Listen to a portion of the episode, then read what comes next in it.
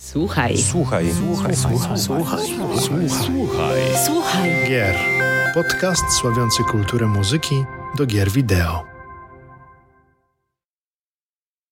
Dzień dobry, dobry wieczór. Z wirtualnego studia, jak zawsze, kłania się w pas Mariusz Borkowski oraz Paweł Dębowski.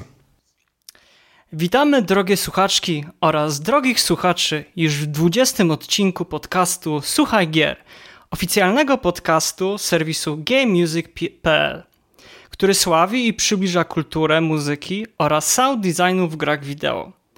W poprzednim odcinku podcastu Słuchaj Gier wspólnie z Pawłem wspominaliśmy E3 pod kątem muzyki do zbliżających się produkcji. Dlatego już teraz z tego miejsca zachęcamy Was do przesłuchania odcinka oraz zapraszamy do subskrybowania podcastu na Spotify, Apple Podcast, a także na YouTube. Bardzo cieszymy się z dzisiejszego podcastu, ponieważ w naszych skromnych progach zawitały dwie znamienite persony, z którymi tak sądzimy, poruszymy dzisiaj nie jeden temat związany z muzyką do gier wideo, a szczególnie dlaczego w recenzjach do gier nie przeczytamy o muzyce. Pierwszym naszym gościem jest szara eminencja, hrabia wszystkich stworzeń nocy, nasz przyjaciel Arkadiusz Rejkowski. Cześć Arku. Dzień dobry, dzień dobry. Witam wszystkich ponownie. Dziękujemy, że znowu z nami jesteś. E, koło się zatacza i po 10 odcinkach znowu wróciłeś do naszego studia. Tak więc to już 10 minęło? O kurde. Tak, to jest okrągła rocznica, tak więc tym bardziej. Mam nadzieję, że się wszyscy dobrze tutaj bardziej, dzisiaj dziękuję. będziemy e, bawić. E, zaś po drugiej stronie monitora mm, docieka, odkrywa prawdę niczym polski Jason Schreier, e, Mateusz Witczak, aka Papkin, krytyk, felietonista, dziennikarz, zawodowo i prywatnie człowiek o pozytywnym usposobieniu i otwartym umyśle. Witaj serdecznie Mateuszu i dziękujemy również, że jesteś z nami dzisiaj. To ja dziękuję za taką przyjemną introdukcję. Nie widać tego, no bo nagrywamy tylko audio, ale się rumienia jak pensjonarka. Fantastycznie, właśnie taki był zamysł, taki był zamysł. E, panowie, zanim zaczniemy e, poruszać e, różne tematy wokół muzyki, chciałbym najpierw może zacząć od tego, co ostatnio słuchaliście i tak pozwolę sobie może od Mateusza. Mateuszu, co ostatnio na krążku tam u ciebie leciało, bądź w wersji cyfrowej? No w wersji zdecydowanie cyfrowej, bo się już pożegnałem z, z, analogowymi e, nośnikami dawno temu. E, wiesz co, odpowiedź nie jest tak naprawdę e, prosta, dlatego że ostatnio troszeczkę mniej muzyki słucham. Natomiast katuję od no już drugi miesiąc, jeśli nie trzeci Hades Town. To jest musical z 2019, zresztą Tony chyba dostał wówczas. Niestety no, nie był grany w pandemii. E, I potrzebuję mieć od czasu do czasu do pracy i do też takiego funkcjonowania komfortowego jakiś e, destylat e, no właśnie takich wysokooktanowych emocji. No i muzykale są całkiem niegłupim tutaj gatunkiem, a ponieważ jestem świeżo po Hadesie, no to jakoś tak właściwie ten mit, mit Hadesa i Persefony, mit Orfeusza i Eurydyki również w wersji grywalnej gdzieś tam liznąłem. Poza tym no jeszcze nie mam przekonania, czy udało mi się do końca E, zaprzyjaźnić z nową płytą Lan Del Rey, Chemtrails Over the Country Club, która też mi od czasu do czasu ostatnio w sławkach gości. Niezmiennie, stale i bez przerwy e, King Gizzard and the Lizard Wizard. E, w tym momencie jestem na etapie E, Murder of the Universe. To jest ich taki koncepcyjny album, e, o tyle zresztą z ciekawym backgroundem, że to jest zespół, bardzo nie lubię takiego określenia, muzyczny kameleon, aczkolwiek ono się samo nasuwa, bo zespół naprawdę potrafi się poruszać w niesamowicie różnych e, gatunkach, no od trash metalu przez jakieś shoegaze'owe czy, czy jazzowe wtręty. E, no i tutaj zrobili album koncepcyjny, który jest.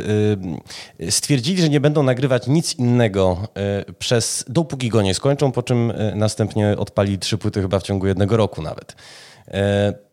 Próbuje się zaprzyjaźnić z Sour Olivia Rodrigo, która jest, no została już ochrzczona przez część mediów nową Taylor Swift nie jest to zła analogia, troszkę bardziej może bym powiedział brzmienie y, y, autentyczne, no bo w tym momencie to jest 21-latka, jeśli się nie mylę, która potrafi o tych wszystkich 21-letnich problemach śpiewać no, w sposób trochę naiwny, trochę, mm, trochę gorzki, ale niezmiennie ujmujący, no bo naprawdę jest w tym świeżość, jest w tym po prostu jakaś, jakaś szczerość też. Mm, jeżeli chodzi o taką muzykę, która mi towarzyszy e, przy czytaniu, bo ostatnio się staram więcej czytać, e, no to odkryłem, słuchajcie, że doskonale się jako podkład nadają nokturny szopenowskie.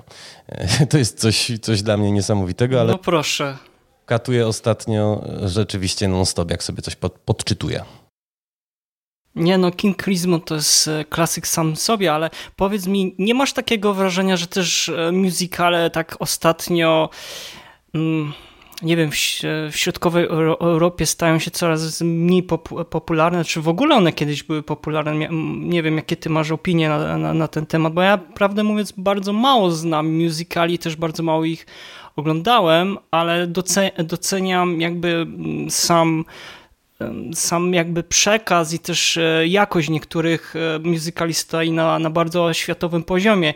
Jak to z twojej perspektywy e, wy, wy, wygląda jako osoba? Nie wiem, dużo, dużo musicali oglądasz na, na co dzień? Nie, nie, nie. Musicale to wiesz, jest um, jakaś taka igraszka. Nie jestem bynajmniej koneserem i tutaj nie mogę się wypowiadać okay. o stalu, stanie rynku musicalowego.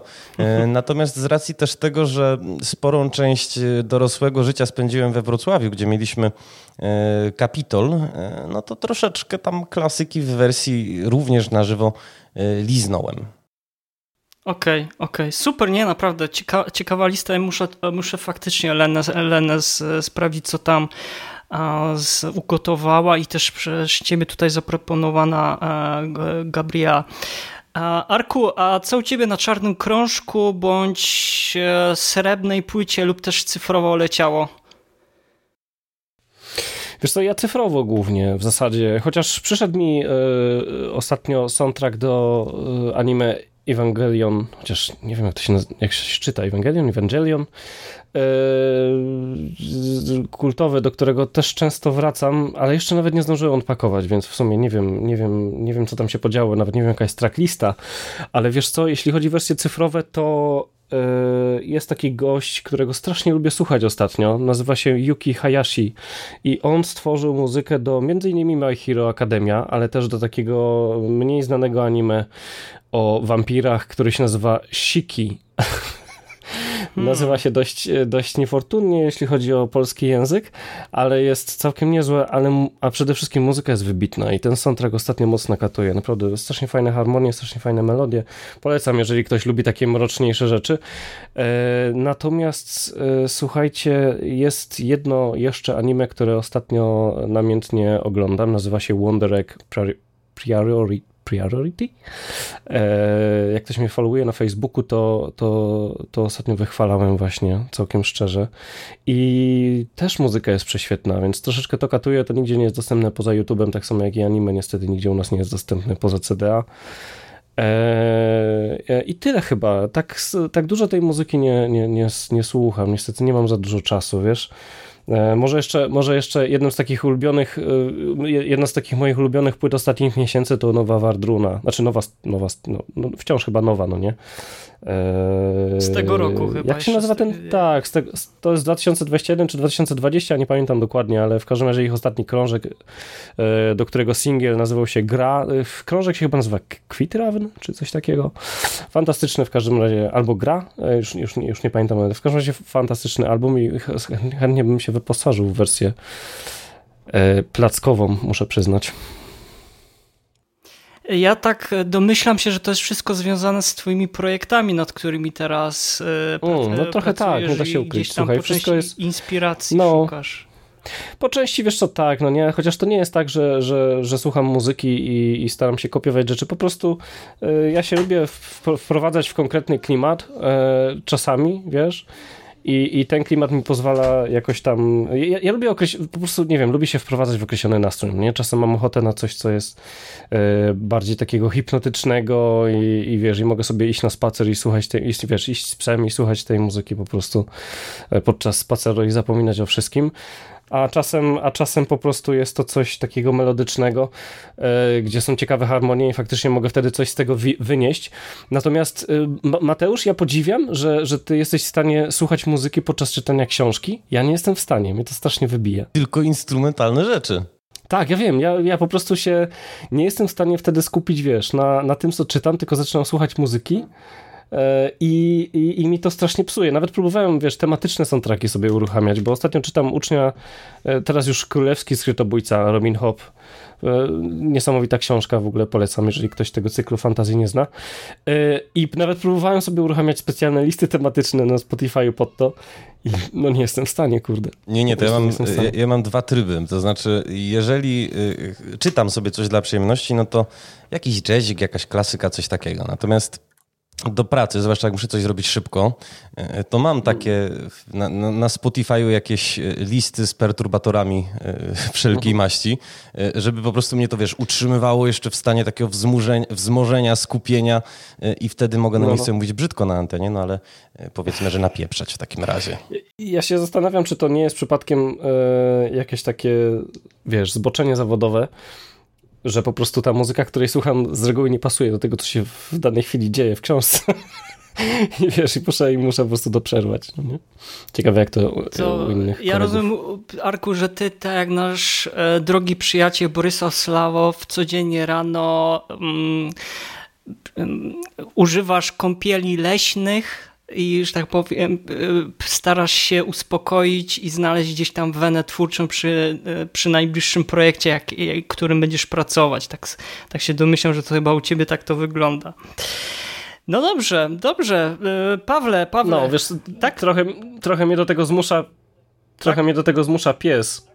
E, muszę przyznać. Yoshi, który który jest Jack Russellem Terrierem, więc wymaga dużo ruchu, więc po prostu chodzimy sobie i słuchamy muzyki po lesie. Dobrze, e, tylko pozazdrościć. Paweł, a co u ciebie tam się kręciło? Znaczy, odnosząc się do tego, co koledzy powiedzieli, a, i jeśli chodzi o czytanie książek i słuchanie muzyki, ja próbowałem też z tym jakoś eksperymentować. Jakoś lekki albo jazz, a, czy jakieś inne dźwięki, które leciałyby w tle, ale albo z jednej strony nie potrafię się skupić, albo z drugiej strony w ogóle nie zwracam uwagi na muzykę, więc po pewnym czasie ją po, po prostu wyłączam, bo, bo, bez sensu, że leci mi w tle. Ale tu się mm, zwrócę do, do Mateusza, że też mam taką e, playlistę utworów, którą sobie puszczam w trakcie pracy, żeby podnosić sobie adrenalinę. I tak mam na przykład chyba z soundtrackiem do, soundtrackami do chyba wszystkich gier z Jakuzy wybierałem sobie co lepsze, co fajniejsze, co mocniejsze utwory i po prostu tak pracuję. Natomiast jeśli chodzi o słuchanie muzyki jako takiej, no powiem to tak, przez ostatni tydzień bardziej e, biłem się o to, żeby nie zemdleć na tym upale, a najlepsze na to jest tak naprawdę e, dobra książka i nie wiem, jakieś miejsce w parku gdzieś pod drzewem, pod cieniem. Na szczęście przekonałem się w końcu do e-booków, do czytników e-booków, e, także można powiedzieć, że to jest kolejna dziedzina w moim życiu, która uległa cyfryzacji e, i w końcu byłem w stanie przeczytać sobie na przykład reportaże jak urobieni, czyli reportaże u pracy, czy e, praca sezonowa, no i też książka e, Ask Iwata, czyli Myśli i Mądrości Świętej Pamięci Satoru Iwaty. Świetna książka, to akurat mogę powiedzieć, e, polecam. Natomiast jeśli chodzi o samą muzykę, niedawno odkryłem, że został wydany, e, słuchaj, oryginalny soundtrack do Road 96. A, tak. To jest gra, która została zapowiedziana bodaj na początku roku chyba, podczas e, któregoś Nintendo Direct i to była taka gra, która mnie zafascynowała, bo to jest gra przygodowa, E, oferująca proceduralne generowane e, wydarzenia. Czyli jak e, ilekroć odpalisz grę, tym będziesz miał po prostu inną, inną ścieżkę, ścieżkę wyboru. I zastanawiałem się nad tym, jak, jak, jaka muzyka do tego by pasowała. Chyba pasowałaby muzyka z motywem drogi, coś właśnie ala Life is Strange albo Life is Strange 2 i w końcu pojawił się soundtrack. Słuchajcie, e, to jest jeden wielki miszmasz e, elektro, folku e, i generalnie całość utrzymana w latach 90. Pojawili się tam tacy artyści jak The Toxic Avenger, który jest mistrzem, jeśli chodzi o Electro House i Dance Punka. Jest Cocoon, taki zespół również, również z Francji, który zajmuje się folk, folkiem szeroko pojętym. Jest na przykład Robert Parker i tak dalej, i tak dalej, Daniel Gadd i to jest jeden wielki miszmasz e, muzyki albo elektronicznej, albo folkowej. Przewaga, jest tam przewaga właśnie takiej muzyki, którą właśnie bym porównał do Life is Strange, e, chociaż zdarzają się również jakieś mocniejsze, e, mocniejsze klimaty, mocniejsze utwory. No i powiem to tak, muzyka, mm, soundtrack mnie na tę chwilę kupił. E, bardzo przyjemnie mi się tego słuchało, również w trakcie pracy, tak w przerwach między Jakuzą. Także sam soundtrack mogę na tę chwilę polecić, ale poczekam jeszcze na, na to, aż gra się ukaże, a ono ma chyba się pojawić w, w sierpniu, jeśli się nie mylę. I ocenię, czy, czy, czy nadaje się również do tej gry. No na razie soundtrack nie kupił, zobaczymy, co będzie po premierze. Paweł, ja sądzę, że nie, nie ma takiego odcinka, gdzie ty musisz trochę wciąć informacje na temat Jakuzy, tak? Więc udało się to znowu tobie zrealizować. Możesz, są, są takie odcinki. Możesz, możesz odhaczyć.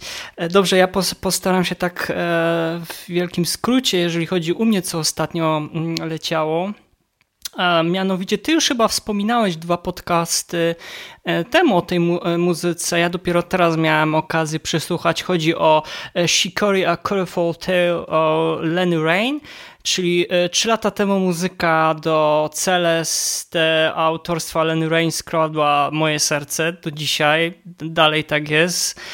Dlatego kiedy słysząc, że mm, kompozytora kompozytorka pracuje nad nowym tytułem, z miejsca wiedziałem, że nie wiem, czeka mnie festiwal radosnych dźwięków przeplatanych z refleksyjnymi melodiami napisanymi między na fortepian.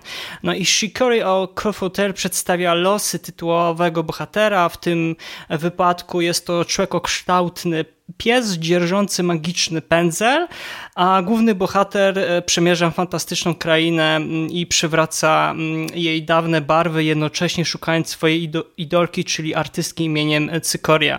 E, w tle przygrywają nam czasem urocze melodie wypełnione niezliczonymi barwami instrumentów, które przywodzą na myśl stare, dobre japońskie RPG. Chciałbym, aby naprawdę kiedyś Jelena Rain e, otrzymała okazję do napisania muzyki do jednej z odsłon Final Fantasy, ponieważ e, ewidentnie czuje atmosferę popularnego wśród graczy cyklu gier.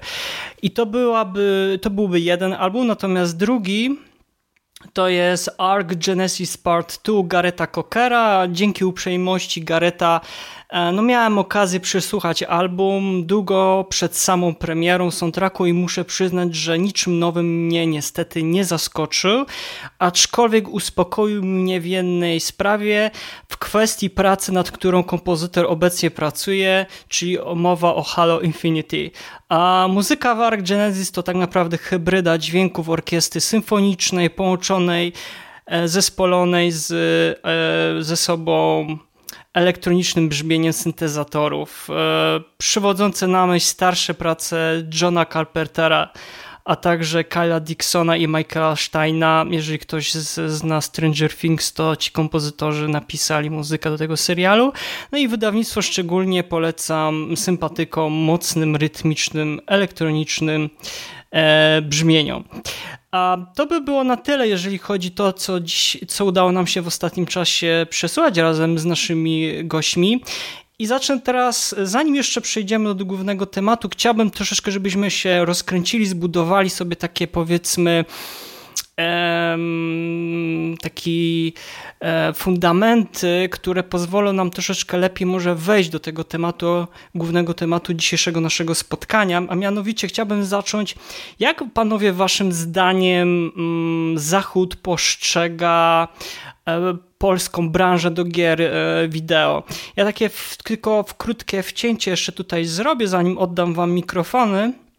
Z tego, co mi się udało tutaj sprawdzić i też dzięki, nie wiem jak to Mateuszu nazwać, twojemu magazynowi, czy książce poświęconej game devowi, która była załączana do Pik tak, była załączona do e, jednego z ostatnich numerów Pixela. E, tam pozwoliłem sobie troszeczkę pogrzebać i znaleźć takie informacje i z tego co by wynikało, czyli według raportu z 2020 roku przygotowany przez The Game Industry of Poland, 4, mamy tak, 440, 440 e, studiów Chciałem tylko doprecyzować, że Game Industry Conference we współpracy mhm. z Pajchem. Tak. Okej, okay, super, fajnie, wielkie, wielkie dzięki.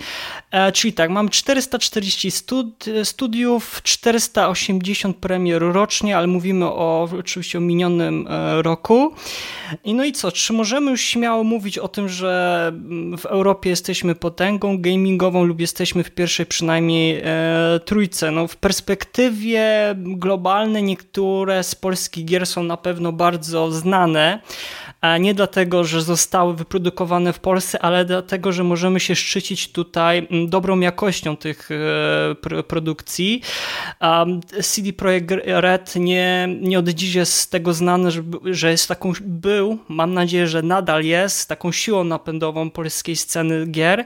No i w ciągu zaledwie tych kilku lat Okazało się, że polskie studia nie tylko produkują gry odnoszące międzynarodowe sukcesy, ale także odgra, odgrywają ważną, tak sądzę, rolę w kształtowaniu nowych trendów w branży gier wideo, um, mają wpływ na, na społeczność graczy na całym świecie. I powtórzę pytanie, jak waszym zdaniem Zachód patrzy na branżę gier e, w Polsce? I znowu sobie pozwolę zacząć od Mateusza. Pytanie nie jest łatwe. Gdybym, ale zaryzykuję stwierdzenie, że y, może powinniśmy porzucić taką zbitkę y, polska gra wideo, niemiecka gra wideo, y, czy nie wiem, francuska gra wideo. To znaczy z racji tego, bo powołujesz się na raport, z którego wynika, zresztą jest to bardzo truistyczne to, co teraz powiem, że gry wideo się produkuje na eksport, że 96% y, egzemplarzy, y, egzemplarzy no, cyfrowych wersji y, zazwyczaj trafia jednak do odbiorcy zagranicznego, przede wszystkim do odbiorcy amerykańskiego, w drugiej części no to na rynki zachodnioeuropejskie. Też próbujemy jakoś oczywiście zdobyć przyczółki gdzie indziej, chociażby w Chinach.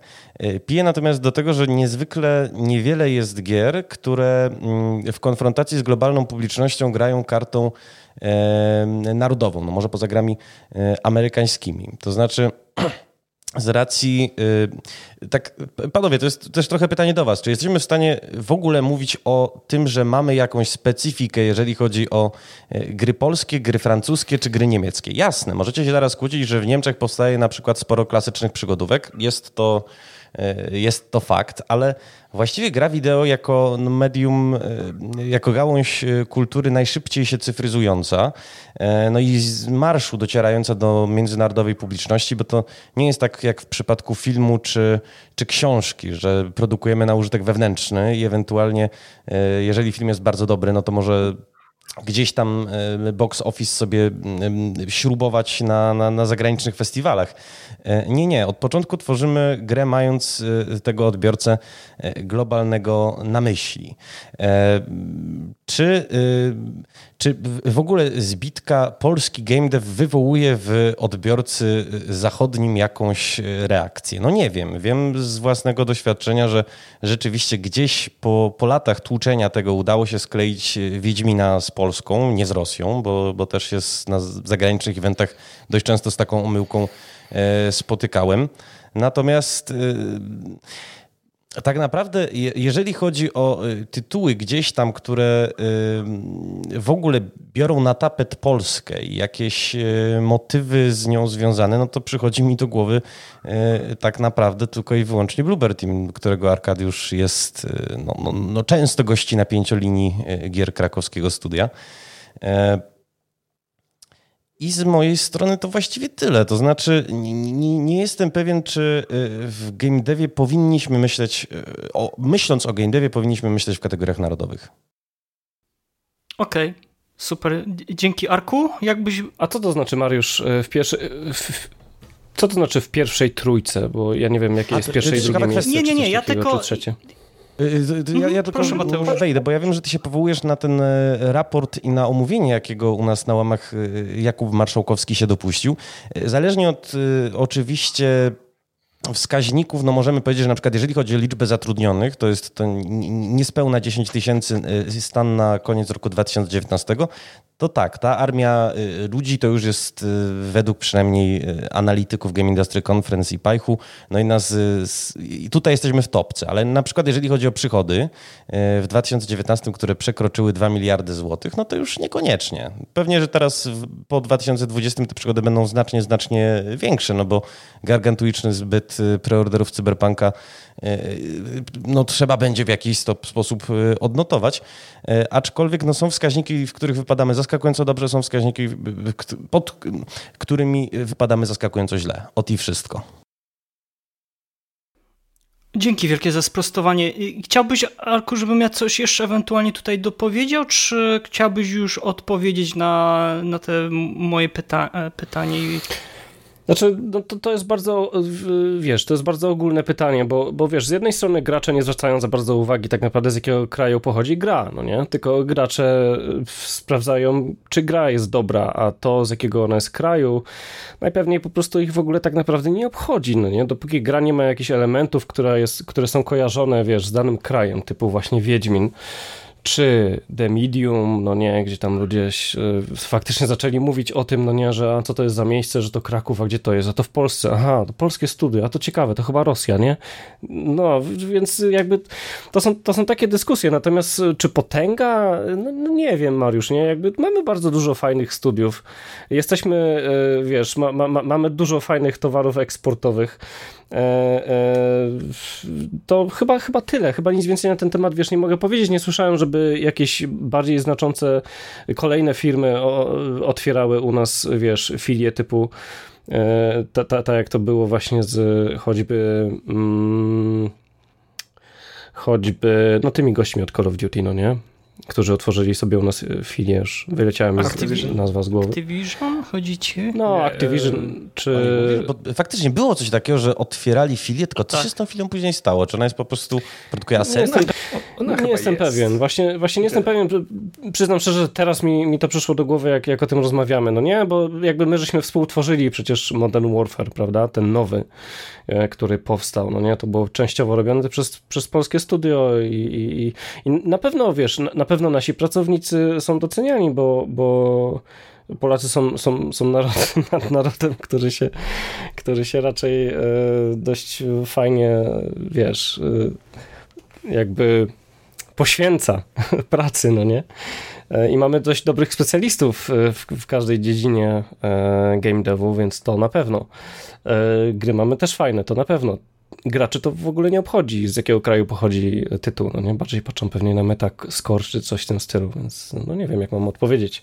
To, to jest częsty w ogóle błąd poznawczy, wybacz, że ci wszedłem w słowo, ale z takim, e, no rozbawieniem e, przypominam sobie co jakiś czas e, słowa Mateusza Morawieckiego wypowiedziane podczas forum ekonomicznego w Krynicy z odczuwalną przesadą nazywanego polskim Davos, e, który snuł jakieś fantazje, że powinniśmy Sienkiewicza w ogóle ekranizować, Fiedlera, wiesz, Monte Cassino. Kurde, to znaczy tego się nie robi z dwóch przyczyn. Pierwsza jest taka, że e, byłoby to interesujące tylko dla tego rynku wewnętrznego, czyli dla tych 4%, a druga jest taka, że naprawdę konia z rzędem temu, kto mi powie e, cokolwiek o, nie wiem, francuskiej szkole designu, no i ewentualnie o japońskiej, można i chińskiej, bo to rzeczywiście ten e, Azja z jakichś względów sobie zbudowała własną, własną tożsamość, ale tak naprawdę nie ma różnicy między tym, czy gra jest z Polski, czy jest z Węgier, czy jest z yy, tu wstaw dowolny inny kraj. Tak, ale to jest świetny przykład. To jest świetny przykład w ogóle, że japońska szkoła gier, no to się chyba najbardziej po prostu wyróżnia z wszystkiego, no nie? Teraz głównie dlatego, że same krapy tam powstają, ale poza tym to mają swój styl, który jest y, bardzo rozpoznawalny. Słuchajcie, wielkie, wielkie dzięki, a za chwilę też kilka rzeczy tutaj sprostuję. Pawle, chciałbyś tutaj coś jeszcze dopowiedzieć? Jest to dwie rzeczy. Pierwsza jest taka, że mm, polski game dev w latach 80. i 90., jeśli tworzył grę, no to tworzył ją oczywiście na polski rynek przede wszystkim. Tak? Jeśli mm, ktoś coś stworzył, szedł z, z grą na giełdę na Grzebowską w Warszawie, sprzedał ją i był e, szczęśliwie zadowolony, Teraz nie tworzy i też idzie na giełdę. nie, nie, ma za co, nie ma sprawy. A teraz, e, no tutaj przechylam się do tego, co mówił e, na samym początku Mateusz. Jeśli Polska, e, po, polskie studio tworzy grę, no to myśli przede wszystkim o globalnym odbiorcy, a nie o polskim, tak naprawdę. A druga sprawa, to jak nas postrzegają media, powiem tak, ostatni taki duży materiał o polskich deweloperach w zagranicznym medium przeczytałem chyba na stronie polygon.com gdzie e, ekipa przyjechała do Polski i przedstawiła nas jako kraj, który wszedł do Unii Europejskiej, który pokonał komunizm. No i oczywiście my stworzyliśmy Wiedźmina, my mieliśmy, e, my mamy studio Astronauts i tak dalej, i tak dalej. No wiesz, to jest, to jest fajne, ale czy to rzeczywiście czyni nas w jakimś stopniu szczególnym na tle innych? Powiedziałbym, że nie. Po prostu Polacy tworzą grę dla globalnego odbiorcy i w sumie to tyle się liczy tak naprawdę. To znaczy z egoistycznego e, punktu widzenia powiedziałbym, że nawet dobrze, dobrze się stało, że taki artykuł powstaje, dobrze się dzieje, że gdzieś tam się e, w globalnej publiczności być może e, zaczyna kształtować taka zbitka wyrazów, że właśnie polski game dev, że coś jest z Polski, że Wiedźmin z Polski, że astronauci z Polski, że, że Bluebird Team z Polski, e, bo to może być rzeczywiście element e, dyplomacji kulturalnej. To znaczy bardzo często właśnie w dyskusjach e, na kongresach i konferencjach występują politycy, decydenci, samorządowcy, którzy, no właśnie, snują e, wizję stworzenia takiej hollywoodzkiej superprodukcji, tylko że na komputerze i najlepiej właśnie, żeby mhm. traktowała o, o żołnierzach wyklętych albo Monte Cassino.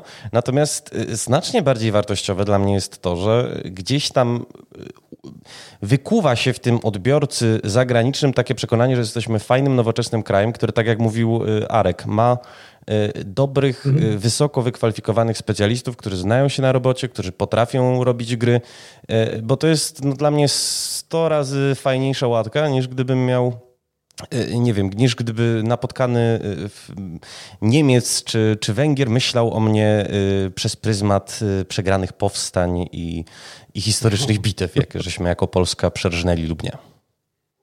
I to tak trochę w kontekście dzisiejszego meczu, bo właśnie jak rozmawiamy, to trwa. Jestem bardzo ciekawy wyniku. Pawle, jeszcze coś chciałbyś tutaj dopowiedzieć?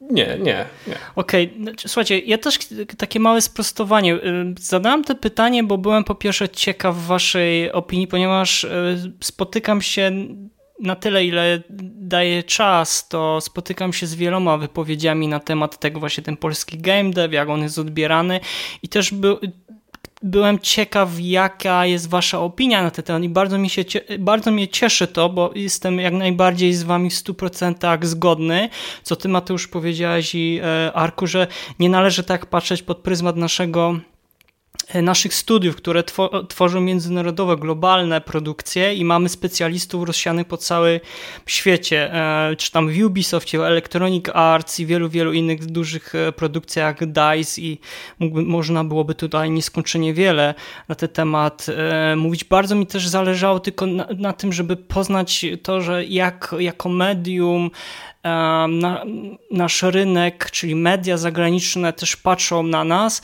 Wiem, że się tak jakby utrzymało to, że Wiedźmin to od razu Polska. No, wiadomo, że część teraz studiów, między innymi chociażby People, People Can Fly, e, współpracujące ze Square Enix, Um, też wydało niedawno y, grę, y, teraz mi wyleciało z pamięci, jak ona się nazywała, y, Ghost, nie, nie Ghost. Outriders. Tak, Outriders. Tak. Outrunners.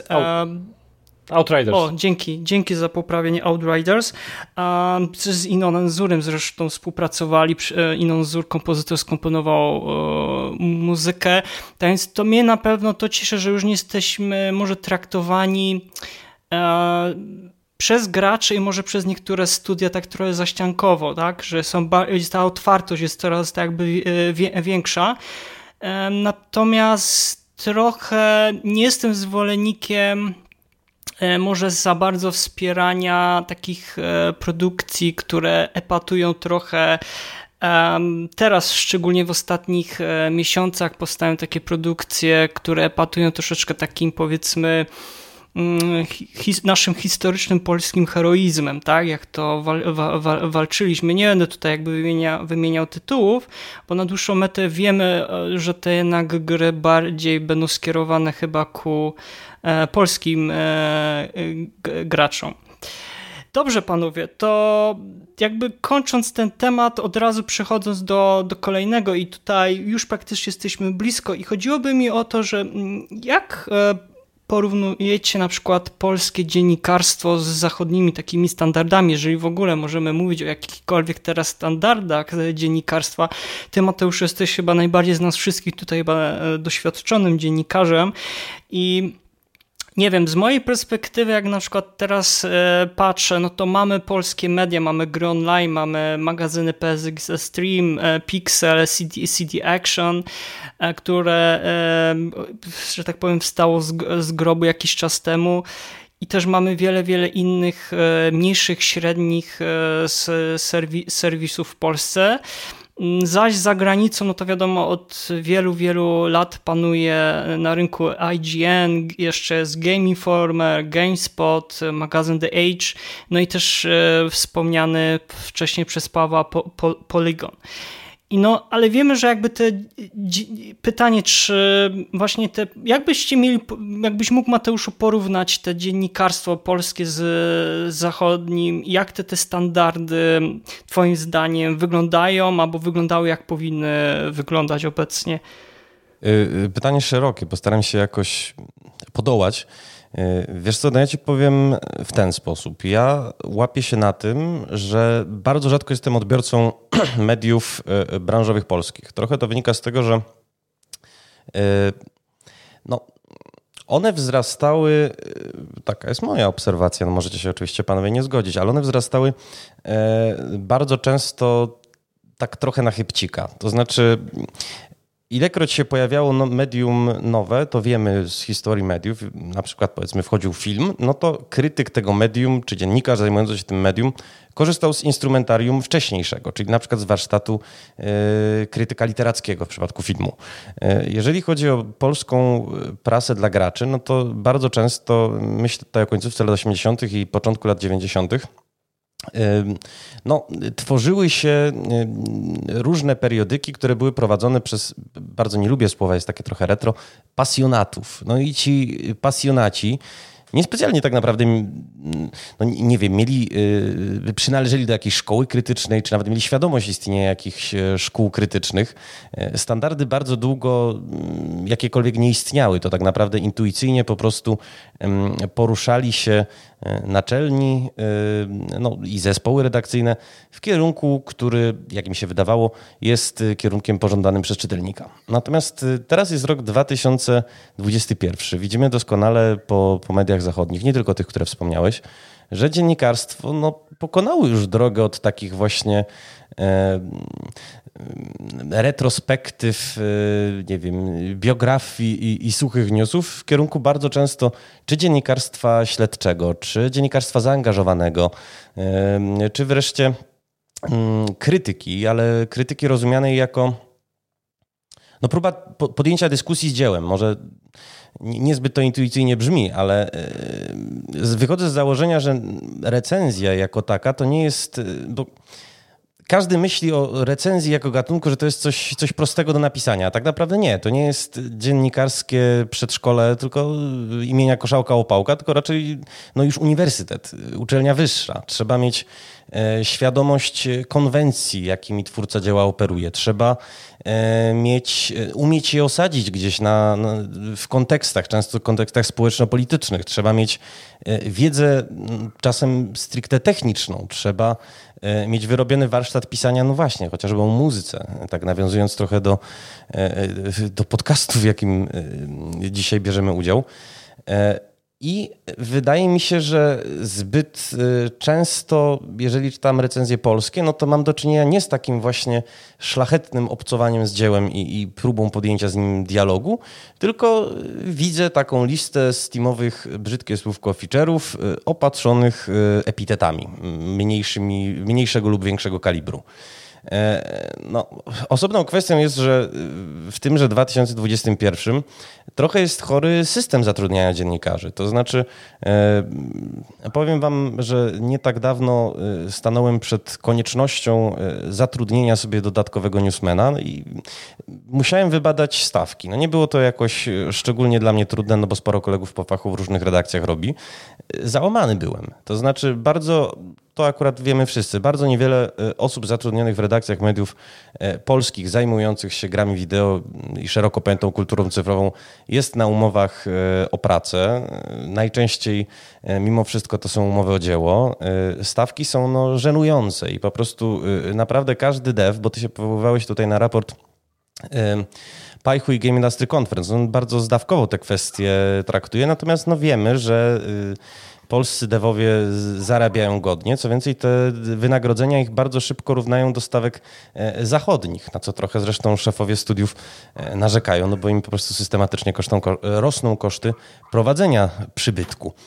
E, aczkolwiek no, rzeczywiście mamy w tym momencie wielu w Polsce słabo opłacanych dziennikarzy, którzy są w dodatku przyciskani przez kierownictwo, żeby, no właśnie, robić content, kolejne brzydkie słowo a niekoniecznie e, mogą, e, nawet pomimo dysponowania pewną kompetencją komunikacyjną, pewną, pewnym też zasobem wiedzy i ciekawością poznawczą, niekoniecznie mogą się wyżyć na tym dziennikarskim poletku. Raczej muszą produkować treści łatwe, dobrze przyswajalne, najlepiej opatrzone clickbaitowym nagłówkiem. Także zbierając się trochę do konkluzji, no ja nie jestem w stanie wystawić laurki polskiemu dziennikarstwu. Natomiast nie chciałbym też, żeby było.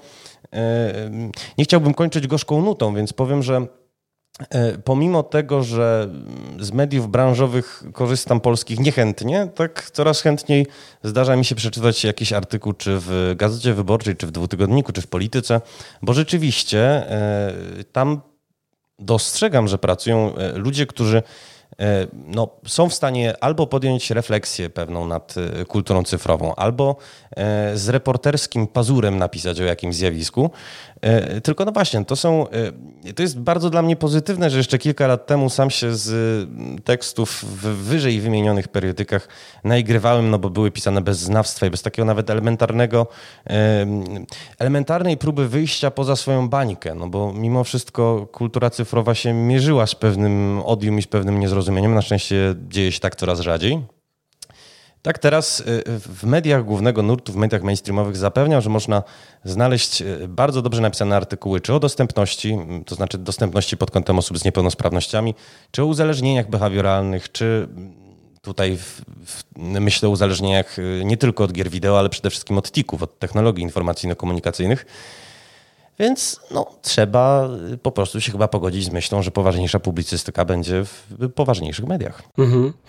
Y, no, wiecie, ja jakby nie, nie czuję się, że mam, y, że mam tutaj, y, znaczy nie mam tak ugruntowanej opinii na ten temat. Zresztą Mateusz jest dużo, dużo lepszym autorytetem niż ja. Ja po prostu jestem czytelnikiem artykułów, no nie, i jakby poza tym, że mam swoje ulubione serwisy, które, które lubię czytać, zarówno polskie, jak i, jak i zagraniczne, to to chyba nie potrafię się jakoś e, na ten temat e, tak bardzo wypowiedzieć. Wiecie, jakby mnie te, ja, ja się wychowałem na czasopismach typu Secret Service, e, Top Secret, no nie, i tak dalej. I, i, I jakby w mojej głowie, no nie, to jest tak jak ze starymi grami retro trochę, no nie, że jakby w mojej głowie te wszystkie artykuły były super, no nie, ja czytałem jako dzieciak i, i, I zawsze czytałem, zawsze czekałem na kolejny numer z wypiekami na twarzy i zawsze te numery ciężko było dostać i tak dalej, i tak dalej, więc dla mnie to było wielkie wydarzenie, jeżeli ja mogłem coś takiego porwać w łapska, więc ja się nie zastanawiałem wtedy, jakiego poziomu były te artykuły, po prostu lubiałem je bardzo czytać i zawsze z utęsknieniem to czekałem, no nie? I teraz trochę też mam tak, no, mnie bardziej mierzi, wiecie, zachowanie ogólnie ludzi, e, clickbaitowe artykuły, czy, czy komentarze pod, pod recenzjami, komentarze pod artykułami, e, jakby ten wszechobecny hejt, no nie, Wszech, wszechobecna żółć młodych ludzi, e, e, czy tam gimbazy, jak to woli, no nie, które, którzy bardzo lubią się wypowiadać w taki sposób e, nieszczególny pod pod czyjąś pracą, prawda, nie doceniając, nie myśląc ile w co mogło być e, tego życia, wiecie, włożonego i, i, i, i, i potu, i krwi i tak dalej. To mnie denerwuje, no nie? To mnie, to mnie, to mnie jakby bardziej zastanawia. Na pewno, wiecie, jakby ja trochę nie lubię, na przykład już, nie wiem, czy ty Mariusz wspomniałeś o poligonie chyba coś, prawda? Ja, ja na przykład nie lubię. Tak, poligon. Ja nie lubię, jeżeli. jeżeli w, w, w, ja, ja, bym wolał, żeby recenzje były obiektywne, żeby, żeby były właśnie. E, żeby. Bo ja na przykład recenzje poligonu bardzo często zahaczają teraz o tematy.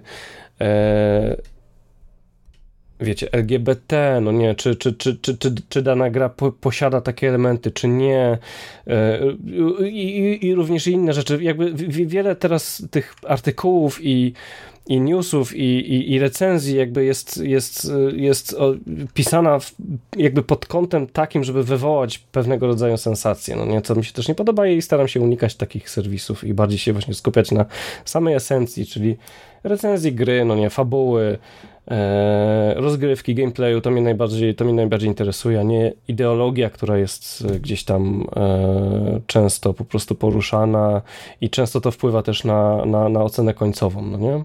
Ja lubię odbierać dzieła jako, jako, jako całość, no nie? I też bym miał nadzieję, żeby tak było robione w różnego rodzaju artykułach. Czy mogę się z maleńką repliką wbić? Mm, no jasne. Znaczy, Arek, no bo wydaje mi się, że z racji tego, że też e, medium, o jakim mówimy, jest już medium okrzepłym, dojrzałym i, i, takim, które nie musi sobie tak naprawdę, nie wiem, rościć e, prawa, żeby usiąść przy stole. E, to, to, to nie jest tak, że kultura cyfrowa jest znacząco inaczej oceniana od filmów czy od, czy od literatury. Y, zupełnie naturalnym jest, że jej twórcy bardzo często no, wpisują się w, aktualne, y, w aktualną sytuację społeczno-polityczną i bardzo często chcą zabrać stanowisko.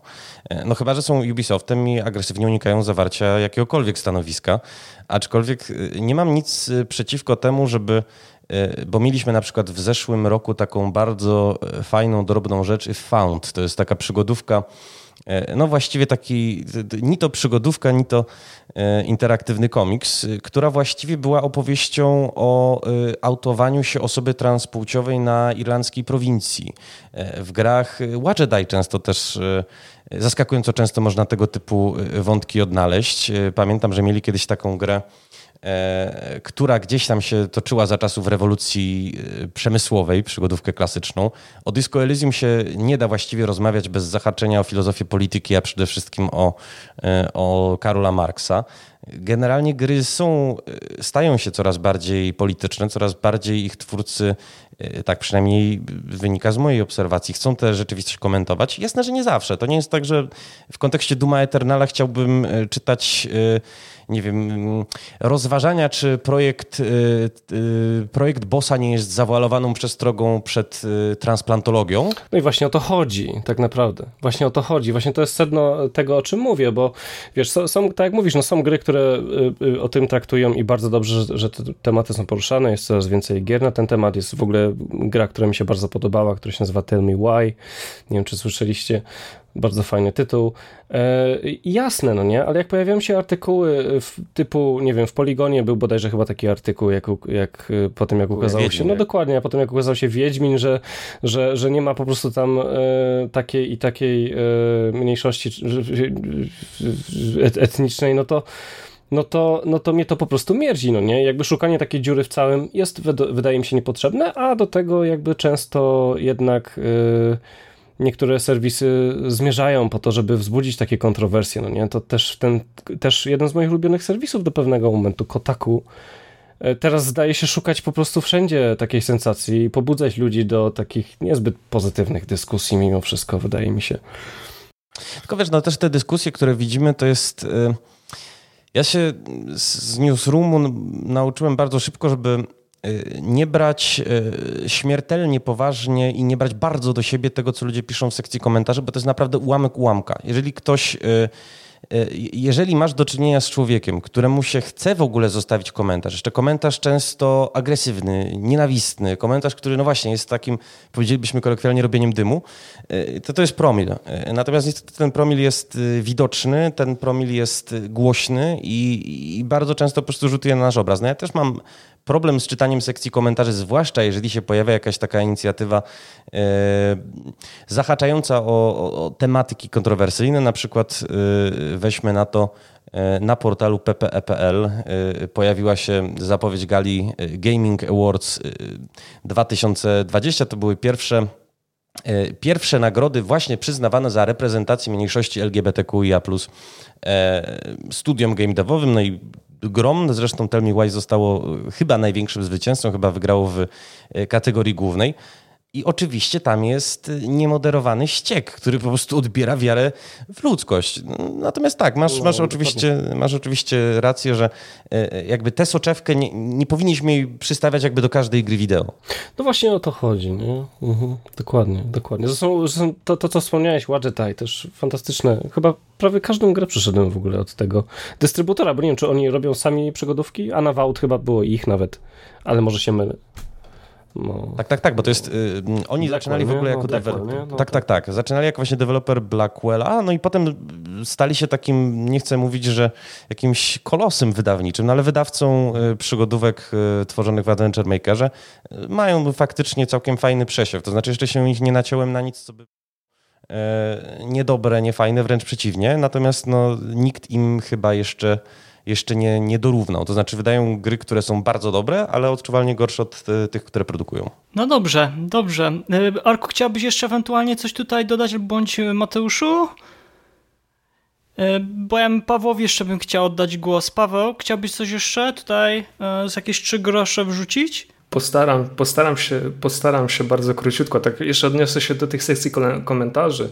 Ja pamiętam, że kiedyś pisałem taki tekst do press serwisu um, o tym, że media ogólnopolskie, tam WP, Interia, Onet i tak dalej, e, połączyły siły, żeby na chwilę zamknąć, nie, przepraszam, nie na chwilę zamknąć, żeby e, zwiększyć liczbę moderatorów e, w sekcjach komentarzy pod newsem. I to było w związku z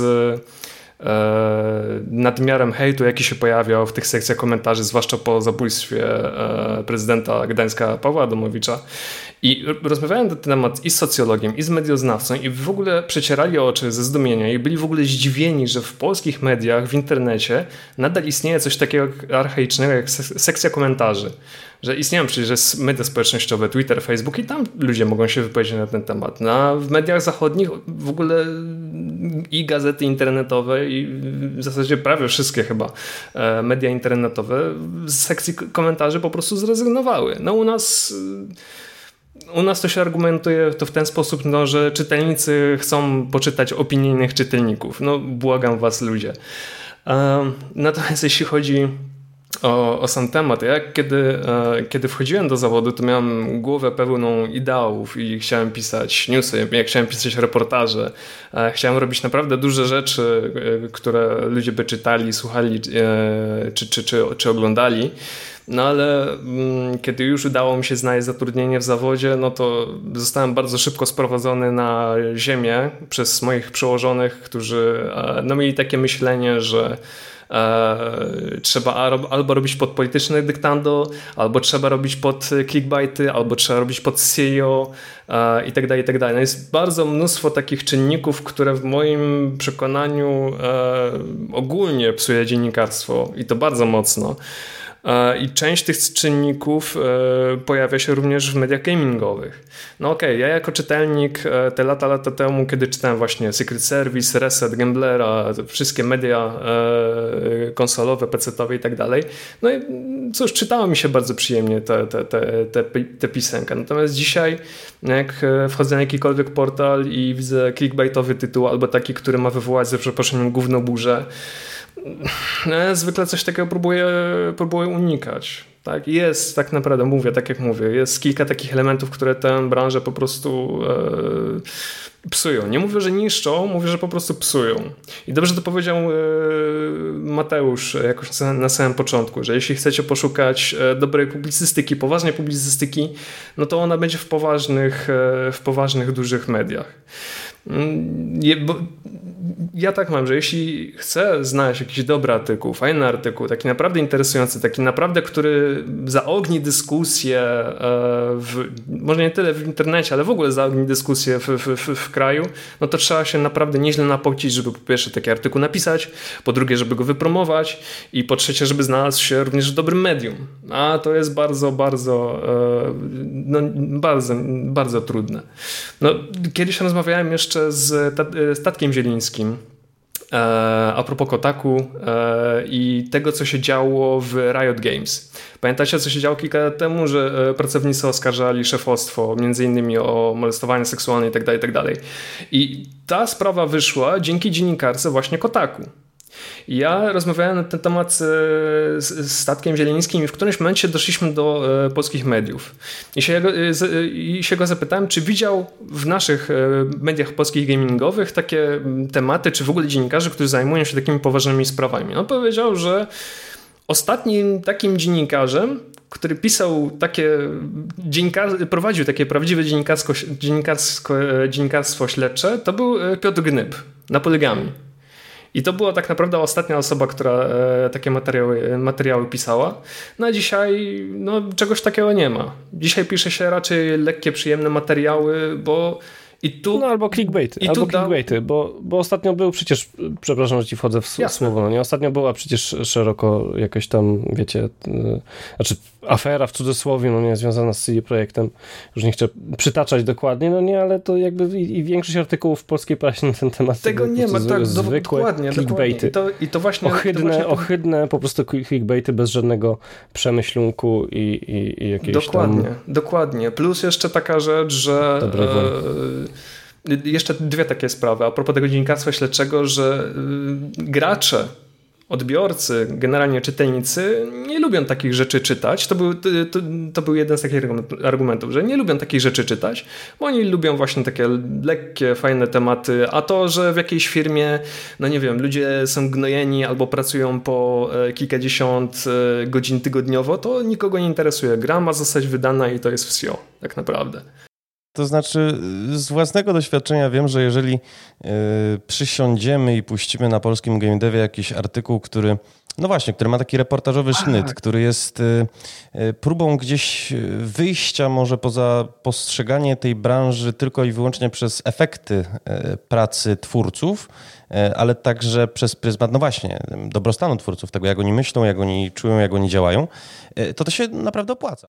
Tak, tak. Znaczy, po, powiedziałem mniej więcej, mniej więcej w, ta, w, taki sam sposób e, tatkowi, no może nie w tak inteligentny sposób jak ty, ale, ale mniej, więcej, mniej więcej w taki sposób się wyraziłem, że jeśli rzeczywiście pojawi, pojawiłoby się to w jakimś medium, to ludzie to rzeczywiście przeczytają, w jakiś sposób zareagują. Tylko jest jeszcze jeden malutki problem, ale naprawdę malutki, a jeszcze przed powstaniem polskiego game devu czy gracz pospolitej, ludzie o takich rzeczach, e, które dzieją się, czy to w Techlandzie, czy w CD Projekcie, czy w jakimkolwiek innym polskim studiu, dowiadują się od Jasona Schreiera na Kotaku też nieprawda. To znaczy, nieśmiało przypomnę, że myśmy zrobili jeszcze pod szyldem CD Action reportaż e, z CD Projektu bodaj ze 3 czy 3,5 roku temu e, i powiem wam, że e, przeczytałem z takim no, prze, przedziwnym poczuciem jakiegoś takiego takiej konfuzji, że ten ostatni reportaż Schreiera no to właściwie powtórzył bardzo wiele wniosków, jakie myśmy mieli to 3 lata temu.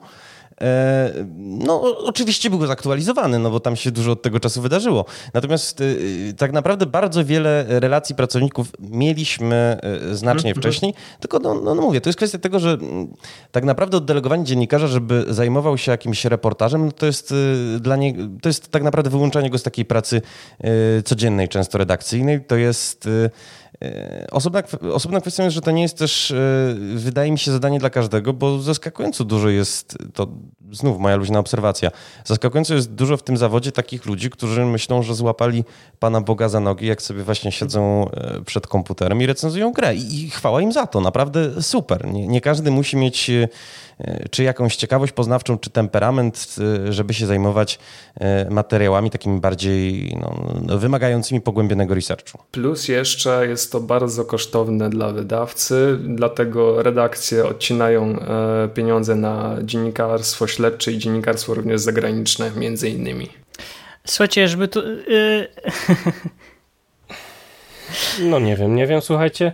Natomiast się, skoro nie wiem, to się jeszcze wypowiem, że, że, że bardzo fajne mamy też kanały na YouTubie, no nie, i można tam fajne treści znaleźć, można tam znaleźć fajne analizy growe, mm, parę rzeczy miłych znalazłem, na przykład, chociaż, chociażby ze względu na, na nasz ostatni tytuł The Medium e, i to polskie, piękne w ogóle analizy na temat, na temat fabuły, na temat muzyki i, i w ogóle sporo fajnych treści, więc e, tak, jest tak źle. Ja chciałem chyba. właśnie tylko dopowiedzieć, że są twórcy treści na YouTubie bądź innych ka kanałach, którzy troszeczkę uzupełniają to, co mm, dzisiejsze media nie, mm, znaczy nie, że nie potrafią, ale nie mogą chyba tak naprawdę dostarczyć i to, co mi się podobało, to co Mateusz też powiedział, że ja bym tutaj skłonił się do tego, że warto inwestować w czytelnika na zasadzie y, pisania, redagowania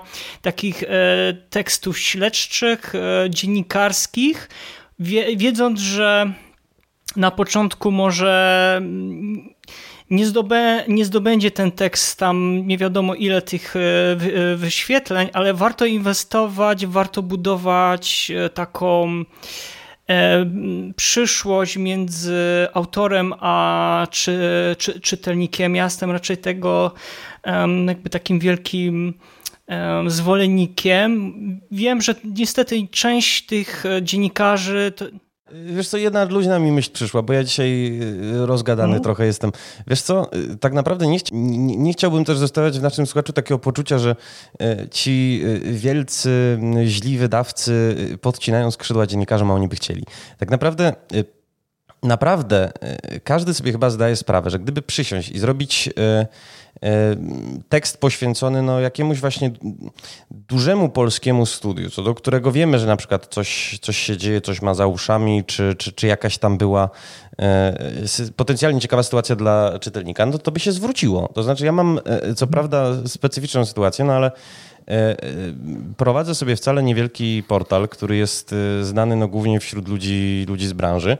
Natomiast jak żeśmy puścili reportaż o Techlandzie, e, którego e, no, takim kamieniem węgielnym było przesunięcie e, premiery bez podania konkretnej daty, czy nawet jakiejś orientacyjnej.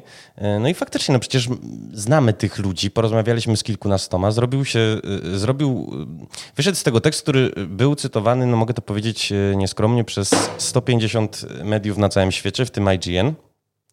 I to się naprawdę rewelacyjnie klikało, rewelacyjnie roznosiło. Jak żeśmy zrobili e, artykuł z kolei o Simfabrik, która e, no to jest taka spółka, powiedzmy, że korowemu graczowi polskiemu niekoniecznie znana, natomiast wydaje mi się, że też był e, po prostu dobrze zresearchowany, dobrze przygotowany. Wiem, że się niósł bardzo szeroko i, i do tej pory gdzieś tam, zwłaszcza w odbiorcach, y, którzy też śledzą y, taką powiedzmy giełdową podszewkę y, game devu, no on jakieś emocje wywołuje i jest pamiętany. To znaczy, to nie jest tak, że zainwestowanie czasu dziennikarza X, Y, Z w jakiś duży temat się nie zwróci. Tylko trzeba myśleć, yy, trzeba myśleć długofalowo, a nie myśleć od yy, newsa do newsa, od publikacji do publikacji, od paczki kontentu do paczki kontentu, bo yy, po prostu poświęcenie roboczo godzin na przygotowanie wnikliwego, dobrze zresearchowanego reportażu, jeszcze sprawnie napisanego daj Bóg, naprawdę może być dla medium błogosławieństwem. Jestem takiego zdania. I to również wyrażanym arytmetycznie w formie liczby klików. Mhm. Ja sądzę, że chyba wszyscy się pod tym podpisujemy to, co tutaj e, powiedziałeś i tak podsumujmy może na razie ten temat. Może kiedyś e, ktoś z nas zwróci na łamach któregoś podcastu, żebyśmy mogli trochę więcej na ten temat powiedzieć, bo to jest arcyciekawy e, problem, temat. Cóż, to każdy z nas sobie już teraz tutaj e, dopowie. Panowie, no w takim razie teraz e, temat główny naszego podcastu, czyli dlaczego w recenzjach gier nie przeczytamy mm, o muzyce i tutaj pozwoliłem sobie jeszcze też zadać te pytanie mm, do przyjaźnionych e, osób i tutaj zacznę może od Michała Mielcarka, czyli CEO Draft Distance, mianowicie zacytuję E, trudno mi ocenić, czy nikt nie pisze o muzyce, ponieważ nie czytam wszystkich recenzji. E, na pewno są to osoby, które skupiają się na elemencie bardziej, zwłaszcza gdy jest on promowany. Na przykład w przypadku recenzji GTA nie da się nie wspomnieć o stacjach radiowych. Na pewno również są takie osoby, które nie zwracają na to uwagi. Generalnie recenzenci nie muszą znać się na muzyce, żeby ocenić grę. Z ich punktu widzenia najważniejsze jest, żeby muzyka nie irytowała, a jeśli dopasowuje się do wydarzeń przedstawionych na ekranie, to jest już bardzo dobrze. Soundtrack może mm, pomóc w budowaniu klimatu, ale w takiej sytuacji wystarczą dwa zdania w recenzji o tym, że muzyka fajnie buduje nastrój, Domyślam się, że recenzent skupia się e, na element ważniejszych dla gracza, czyli przede wszystkim na rozgrywce, fabule, e, trybach rozgrywki, sterowaniu, również w grafice, a także muzyka jest jakby na szarym końcu. I ostatni cytat tutaj e, Rogera Zachowskiego, redaktora naczelnego PSG Stream, to jest część cytatu. Powodów takiego stanu rzeczy może być wiele. Oprawa ścieżki dźwiękowej jest jak najbardziej integralną częścią wielu gier nieraz buduje klimat, pomaga pompować adrenalinę, wzmaga napięcie, ale w, w wielu tytułach nie jest ona aż tak bardzo istotna dla gameplayu, zwłaszcza z perspektywy czytelnika. W produkcjach, w których muzyka jest tylko tłem dla wydarzeń, nie ma bezpośredniego przełożenia na zabawę. Recenzent zakłada, że szkoda poświęcać na to miejsca i zazwyczaj pomija się ten aspekt. To też kwestia tego, jakie informacje chce mm, dostać w recenzji wspomniany czytelnik. Brak szerszej wzmianki o udźwiękowieniu zazwyczaj nie będzie problemem, ale jeśli recenzent nie napisze ważnych kwestii odnośnie systemu walki, rozwoju postaci czy oprawy graficznej, na pewno wytknie mu się to w komentarzach. Recenzent ma ograniczone miejsce i czasu i czasu uwagi czytelnika, a duży akapit o muzyce zazwyczaj doceniają tylko amatorzy dźwięków w grach. Dla reszty będzie to nudna ściana tekstu. Muzyka jest, bo przecież musi coś wgrać. wgrać. To klasyczne e, podejście. Arku, e, dlaczego w recenzjach gier nie przeczytamy o muzyce? Czy w ogóle się zgadzasz z takim sformułowaniem? Nie, absolutnie się nie zgadzam. Absolutnie się nie zgadzam. To jest jakaś bzdura absolutna, no nie? W sensie, e, to chyba czytamy inne recenzje w takim wypadku, bo e, praktycznie w każdej recenzji, którą czytam, jest wspominane w jakiś sposób warstwa audio, no nie? Ja nie oczekuję tego, żeby a jakąś pamiętasz ostatnią recenzję, jaką czytałeś, gdzie była o, o warstwie audio coś wspomniane? Wiesz co, ja ostatnio, y, ostatnie recenzje, jakie czytałem, to były, były poświęcone grze Medium. Praktycznie w każdej recenzji była wspominana zarówno muzyka, jak i warstwa dźwiękowa, no nie?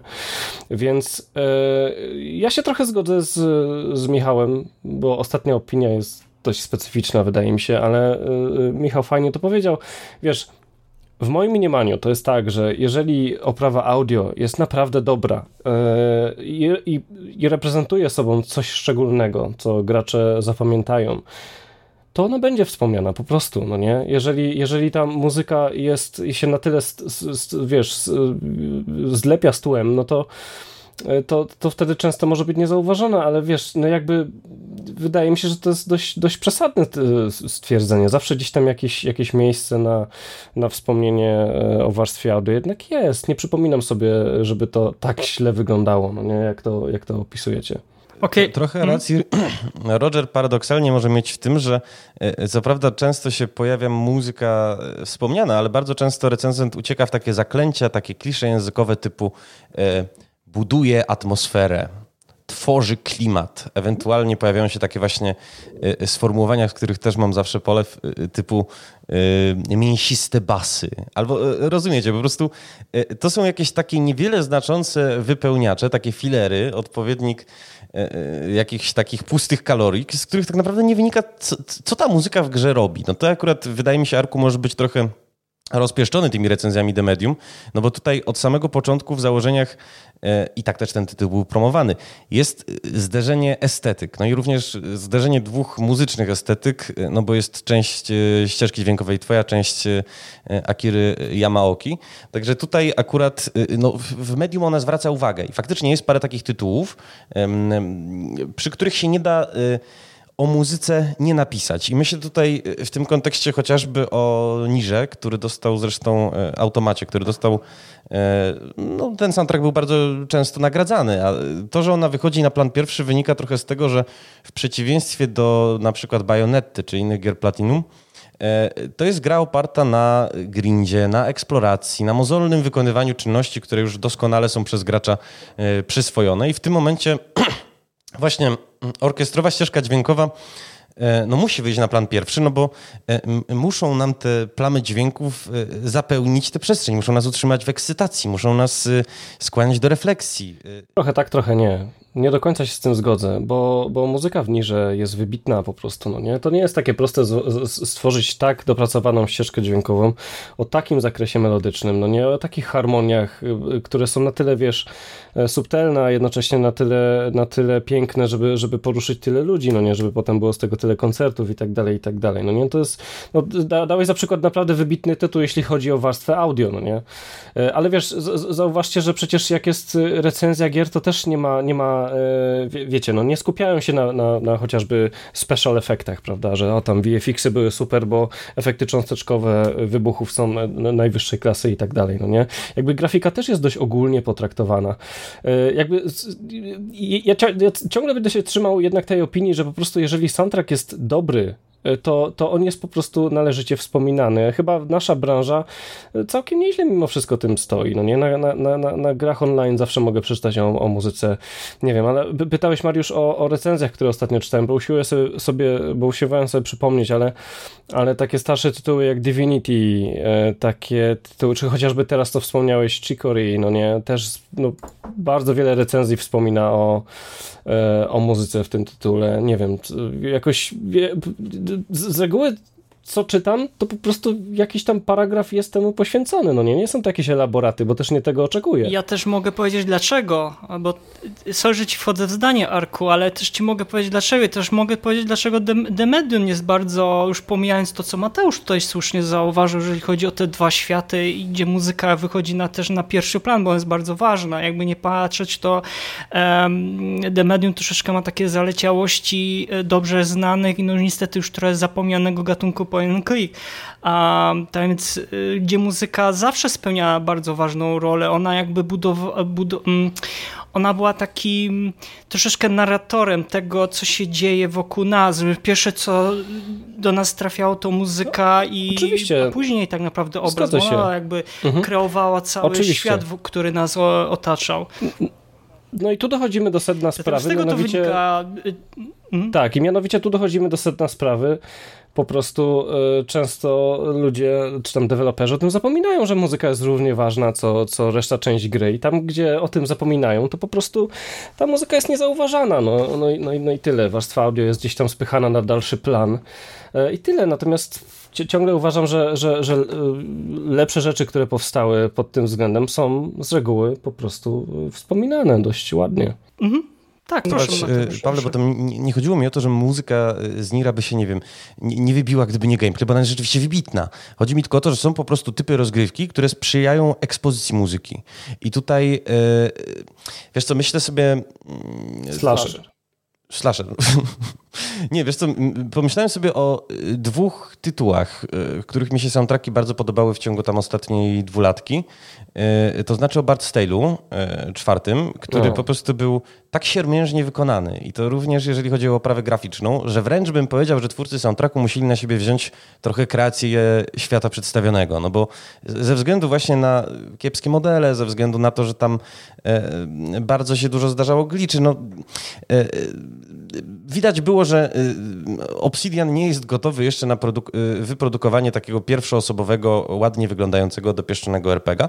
Natomiast właśnie przez to, że oni wykorzystali e, i e, język gaelicki, i instrumentarium e, i mają no... Generalnie jest to niezwykle eklektyczny soundtrack, który ma oddać na przykład, nie wiem, idę sobie tam spod tego Skarabre, no i słyszę jakieś przyśpiewki bab, które piorą. Ze względu na to, że tych bab nie widzę, a nawet jakbym widział, to by były po prostu e, bardzo prymitywnie skonstruowanymi e, modelami, no ta muzyka wręcz się musi wybijać. A, a drugą taką, e, takim, taką produkcją jest Far Cry 5, który tutaj ze względu na taką skłonność Ubisoftu do no, tworzenia mimo wszystko fabuł głupiutkich, abstrakcyjnych, nie nawiązujących do jakichkolwiek konkretnych y, wydarzeń. No zawsze, a przynajmniej od kilku części, ten Far Cry y, operuje na takim właśnie manichejskim konflikcie szlachetnych autochtonów y, oraz złych bardzo ludzi, którzy w ogóle mają niewolników i którzy łamią prawo i mordują i narkotyki podają.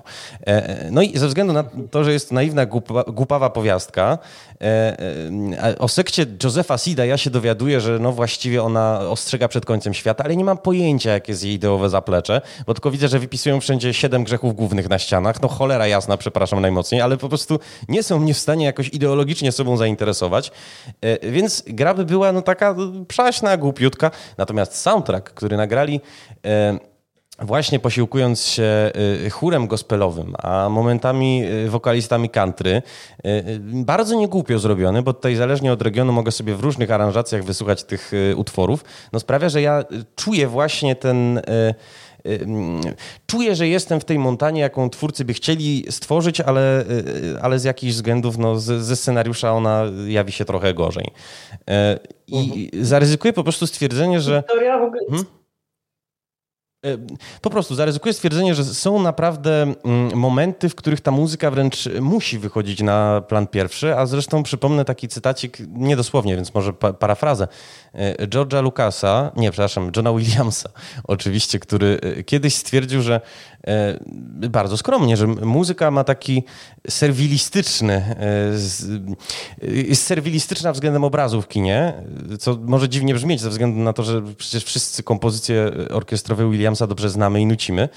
E, natomiast są takie momenty, w których, no właśnie, to ona bierze na siebie, to, to ona wychodzi na plan pierwszy, to ona... Cały ciężar Dokładnie, tak.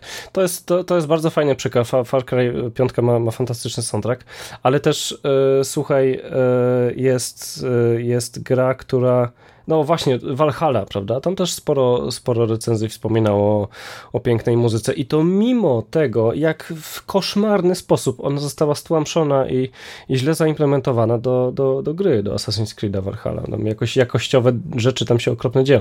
Ale wspominałeś też o Bard's Tale i niestety tutaj często mamy, mamy taki nieprzyjemny y, przypadek tego, że I, I, to znam jakby z, też z autopsji, no nie, że jeżeli gra jest kiepska, no nie, jeżeli jest kiepsko odebrana, ma słabe oceny, no to po prostu nikt wtedy o tej muzyce nie wspomina za bardzo, no nie? I to gdzieś tam się echem potem e, rozchodzi i nie, niezbyt wiele osób o tym słyszało. No, jest kilka takich produkcji Arku, Remember, Remember Me. me tak. Remember no Me nie? na przykład, bardzo kiepska gra. Mm. No, z piękną, z piękną muzyką, która... Oliviera Derivier, tak? Tak, no, to znaczy, wiesz, ja tutaj mam trochę inne zdanie, mianowicie uważam, że to jest genialna muzyka. E, naprawdę Oliver zresztą robi fantastyczne rzeczy, które nie do końca pasuje do gry. E, więc, ale jakby sama gra też nie jest, nie jest, no nie jest wybitna niestety, no nie, więc e, no ciężko, no ale tak było, nie, tak było, że, że, że po prostu jeżeli tytuł jest dość średnio oceniany, to to gdzieś tam ten temat po prostu się jakoś tam, e, o tym się zapomina, no nie? Ja jeszcze jeden mhm. E, podrzucę kamyczek. To znaczy... Ja bym chciał... Mhm. Oj, przepraszam, że ci wszedłem słowo, bo... E, nie, nie, proszę, proszę Mateusz. Słuchając wypowiedzi Rogera i Miela, zabrakło mi jeszcze takiej jednej konstatacji, mianowicie wydaje mi się, że spora część dziennikarzy po prostu nie za bardzo wie, jak tej, o tej muzyce pisać. No bo e, e, tak naprawdę nie ma jakiejś, nie wiem, szkoły myślenia o muzyce czy pisania o muzyce.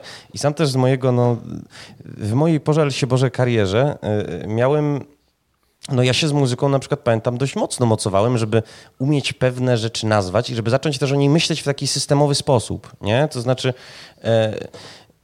tak jak nie pamiętam, który z panów powiedział, no, jeżeli muzyka mi współgra z obrazem, e, tworzy jakieś doświadczenie, ja opisuję to doświadczenie. Natomiast e, tak naprawdę musiałem sporo wysiłku intelektualnego wykonać, żeby zacząć na nią zwracać uwagę i traktować ją jako takiego równoprawnego uczestnika oprawy audiowizualnej. No, chociażby wspomniany dzisiaj If Found, pamiętam, że sobie zacząłem swego czasu na, na czynniki pod, pierwsze pod tym względem e, rozbierać, bo bardzo zresztą, e, no mówię, gra ze względu na to, że jest też oszczędna, jeżeli chodzi o warstwę wizualną, bardzo, bardzo dobrą jest do tego platformą. I, I, pamiętam, że właśnie e, był tam taki moment, w którym bohaterka gdzieś tam zostaje na skłocie ze swoimi znajomymi gdzieś tam po, na tejże, w tejże Irlandii Północnej po kłótni jakiejś potężnej z rodzicielką i faktycznie ta warstwa muzyczna zaczęła jakoś pokazywać mi, jak ona się oswaja z tą rzeczywistością. Najpierw się pojawiły na no, takie nieśmiałe pociągnięcia gitarowych strun, potem jakieś sample, potem e, jak ona już się zaczęła rzeczywiście oswajać, no to taka bardzo pogodna sekcja rytmiczna.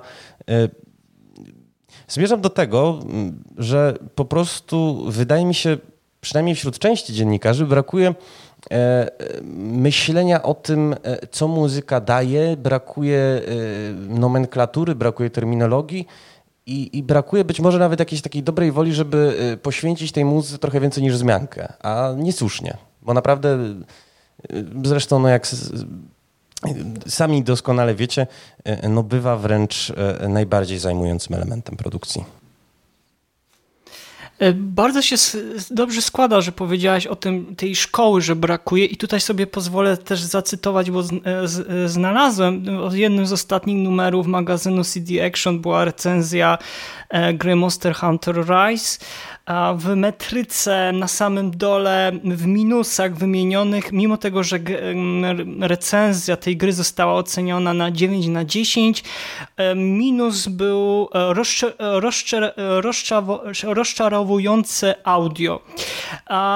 No i tak z ciekawości pogrzebałem, czy jest gdzieś jak może rozpisane to bardziej w samej recenzji i dosłownie e, jest napisane tak. E, frustrowało w Worldzie, czyli w poprzedniej e, odsłonie Monster Hunter World. Nieco gorzej wypada za to bardzo uboga oprawa dźwiękowa złożona z tych samych zapętlonych brzdąknięć. No i teraz tak.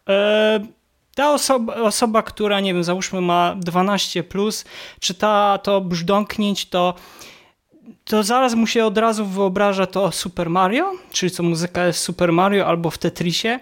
Właśnie brakuje tej terminologii, o której ty tutaj powiedziałeś, że przynajmniej żeby taki dziennikarz, tak jak ty na swoim, jakby z własnego doświadczenia, że próbowałaś się troszeczkę zdzierzy, zderzyć e, z tym słownikiem, zasobem po prostu jakiś tam powiedzmy słów e, muzykologicznych, bo też nikt nie wymaga jakby od recenzenta, żeby zaraz rzucał takimi hasłami, które przypuszczam mało kto będzie mógł w stanie e, odczytać, ale żeby przynajmniej, wiesz, sięgnął do, sięgnął na przykład do jakichś czasopism muzycznych, które opisują jakieś recenzje muzyki, albo zna jakiś na przykład album, żeby przeczytał recenzję tej muzyki, żeby mógł przynajmniej poświęcić e, na to czas i mógł to przelać w jakiś bardzo prosty sposób. Tak, Arku? Ale tutaj ci się trochę wtrącę, bo, bo wiesz, ty, ty znalazłeś no, faktycznie przepaskudnego kwiatka, no nie?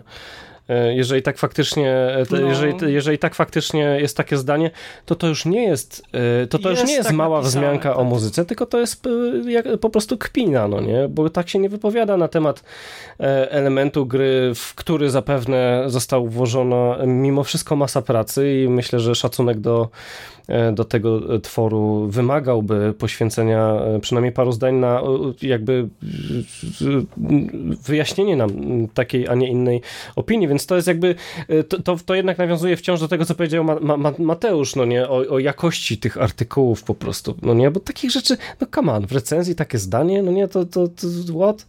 Brzdąkanie się zapętla, no serio, to ja kończę w takim wypadku czytanie tej recenzji i wyrzucam to do kosza, no nie? To jest, to jest nie fair, no nie?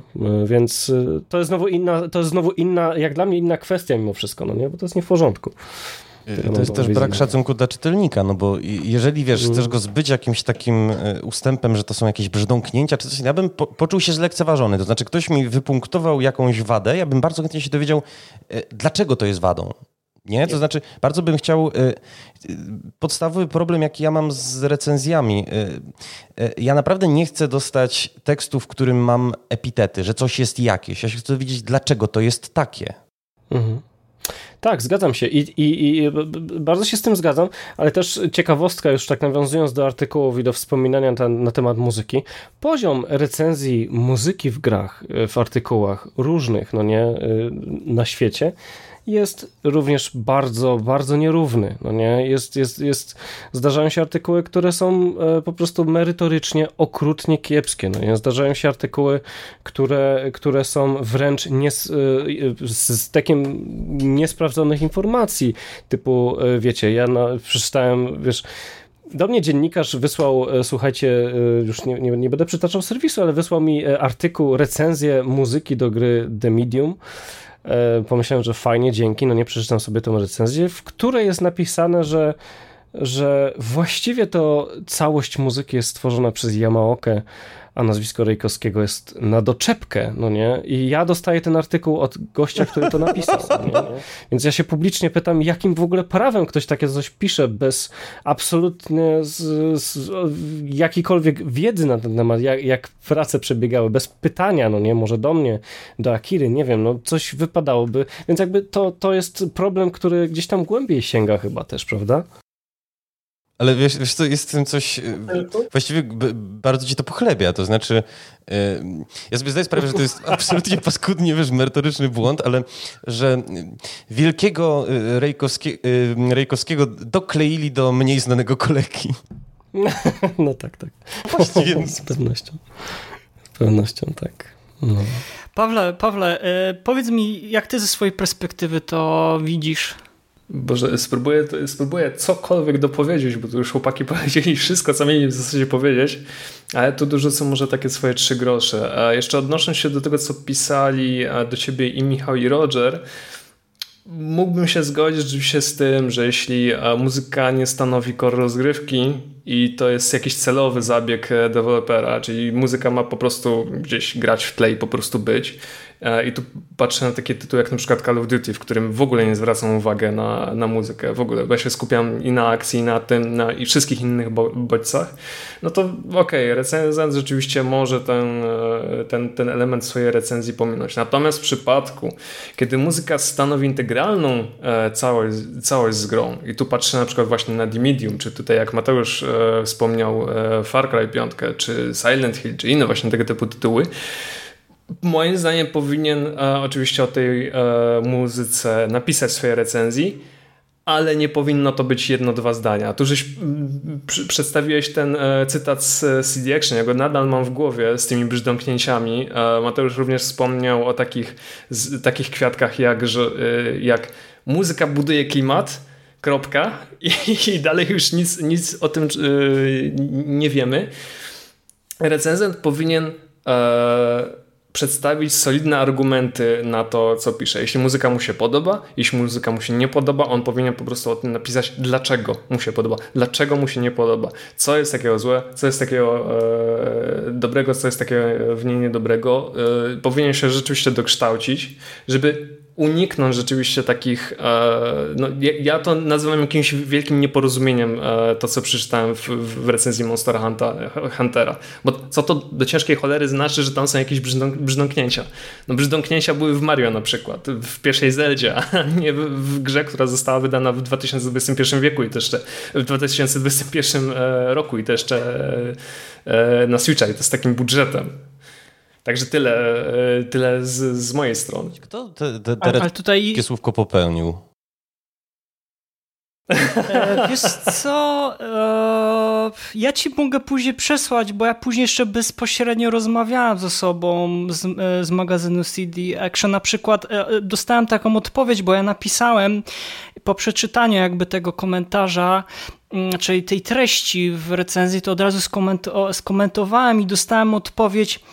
E, ano piszemy i wspominamy więcej niż dwa słowa. Nie twierdzimy, że dużo, dużo więcej, ale jednak dwa słowa to małe niedopowiedzenie. Dzięki za zwrócenie uwagi. Czasami mści się na nas ograniczona liczba znaków na e, stronę.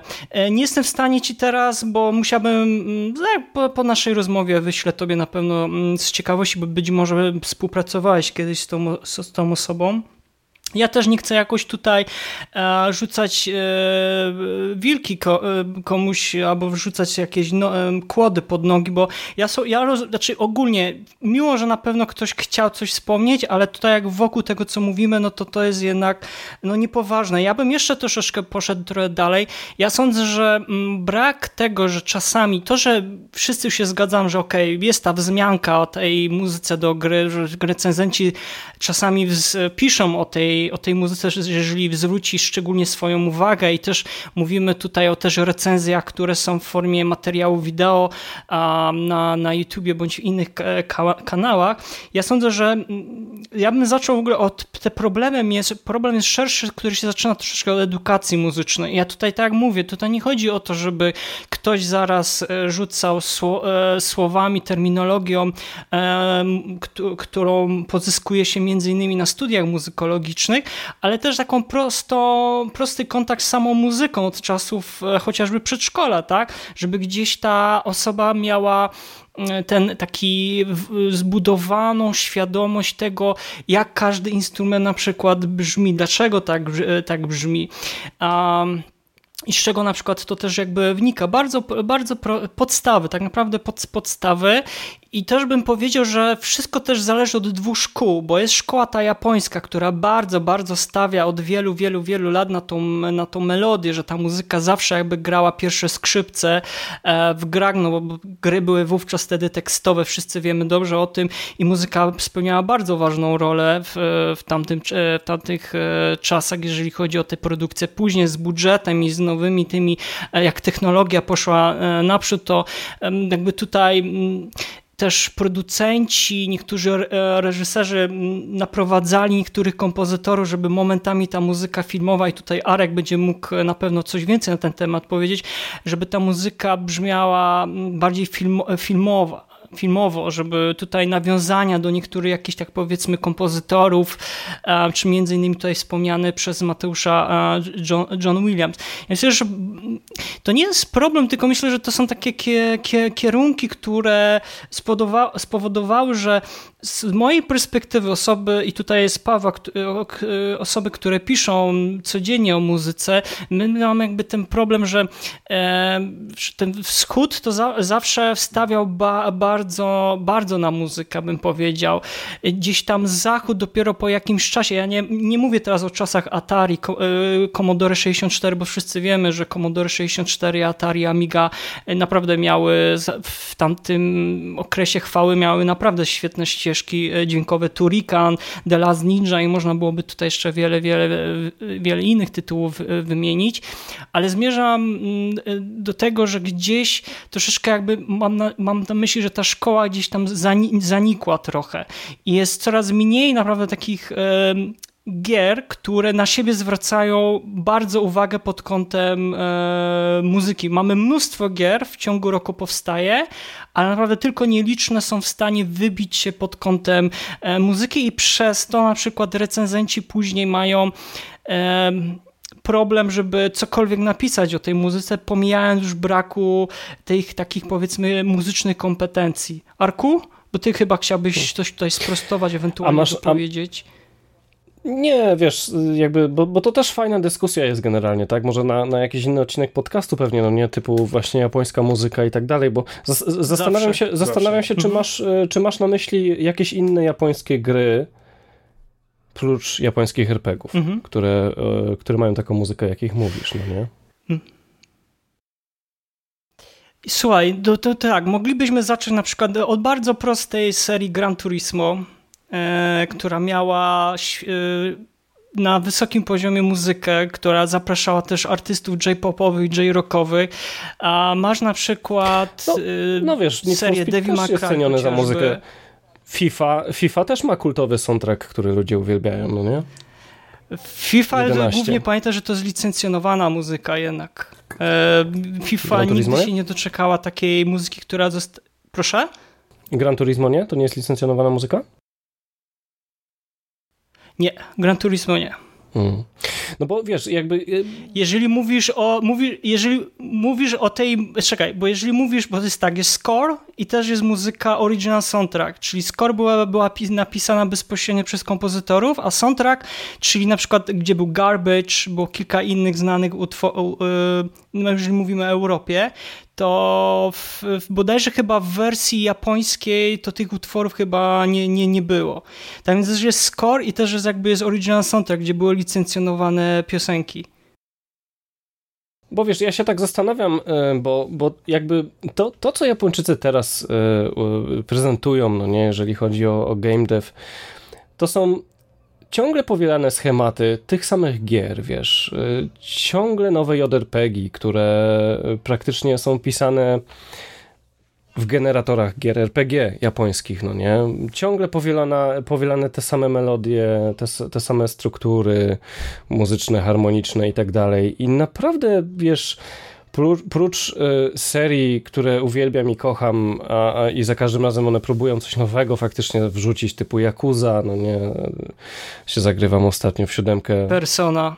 Persona, to jest wybitny w ogóle przykład, no nie, i też jedyna niestety tego rodzaju gra, jedyna w swoim rodzaju to mam wrażenie, że oni są bardzo skostniali, jeśli chodzi, wiesz, no, tak naprawdę jeżeli y, produkujesz tyle japońskich RPGów, no nie, y, Nier Automata teoretycznie też można gdzieś tam podciągnąć pod tą japońszczyznę, prawda, pod anime i tak dalej. Ale wysoko, ja ci przerwę słowo, ja, bym, ja, bym, ja bym nie powiedział teraz, że Japończycy bardzo dużo japońskich RPGów, bo część tych RPGów nawet nie, wycho nie wychodzi na zachodzie, ale pamiętaj o tym, że mamy też Nintendo. E, Nintendo, które bardzo stawia teraz od, od czasu pierwszej odsłony e, Super Mario Galaxy. To była pierwsza gra, która miała naprawdę mm, nagrania z udziałem udziałem żywej orkiestry symfonicznej. E, to była pierwsza, pierwsza I napisana część. Przez, Później przez zachodniego z czasu kolejny. E, nie, Super Mario Galaxy nie.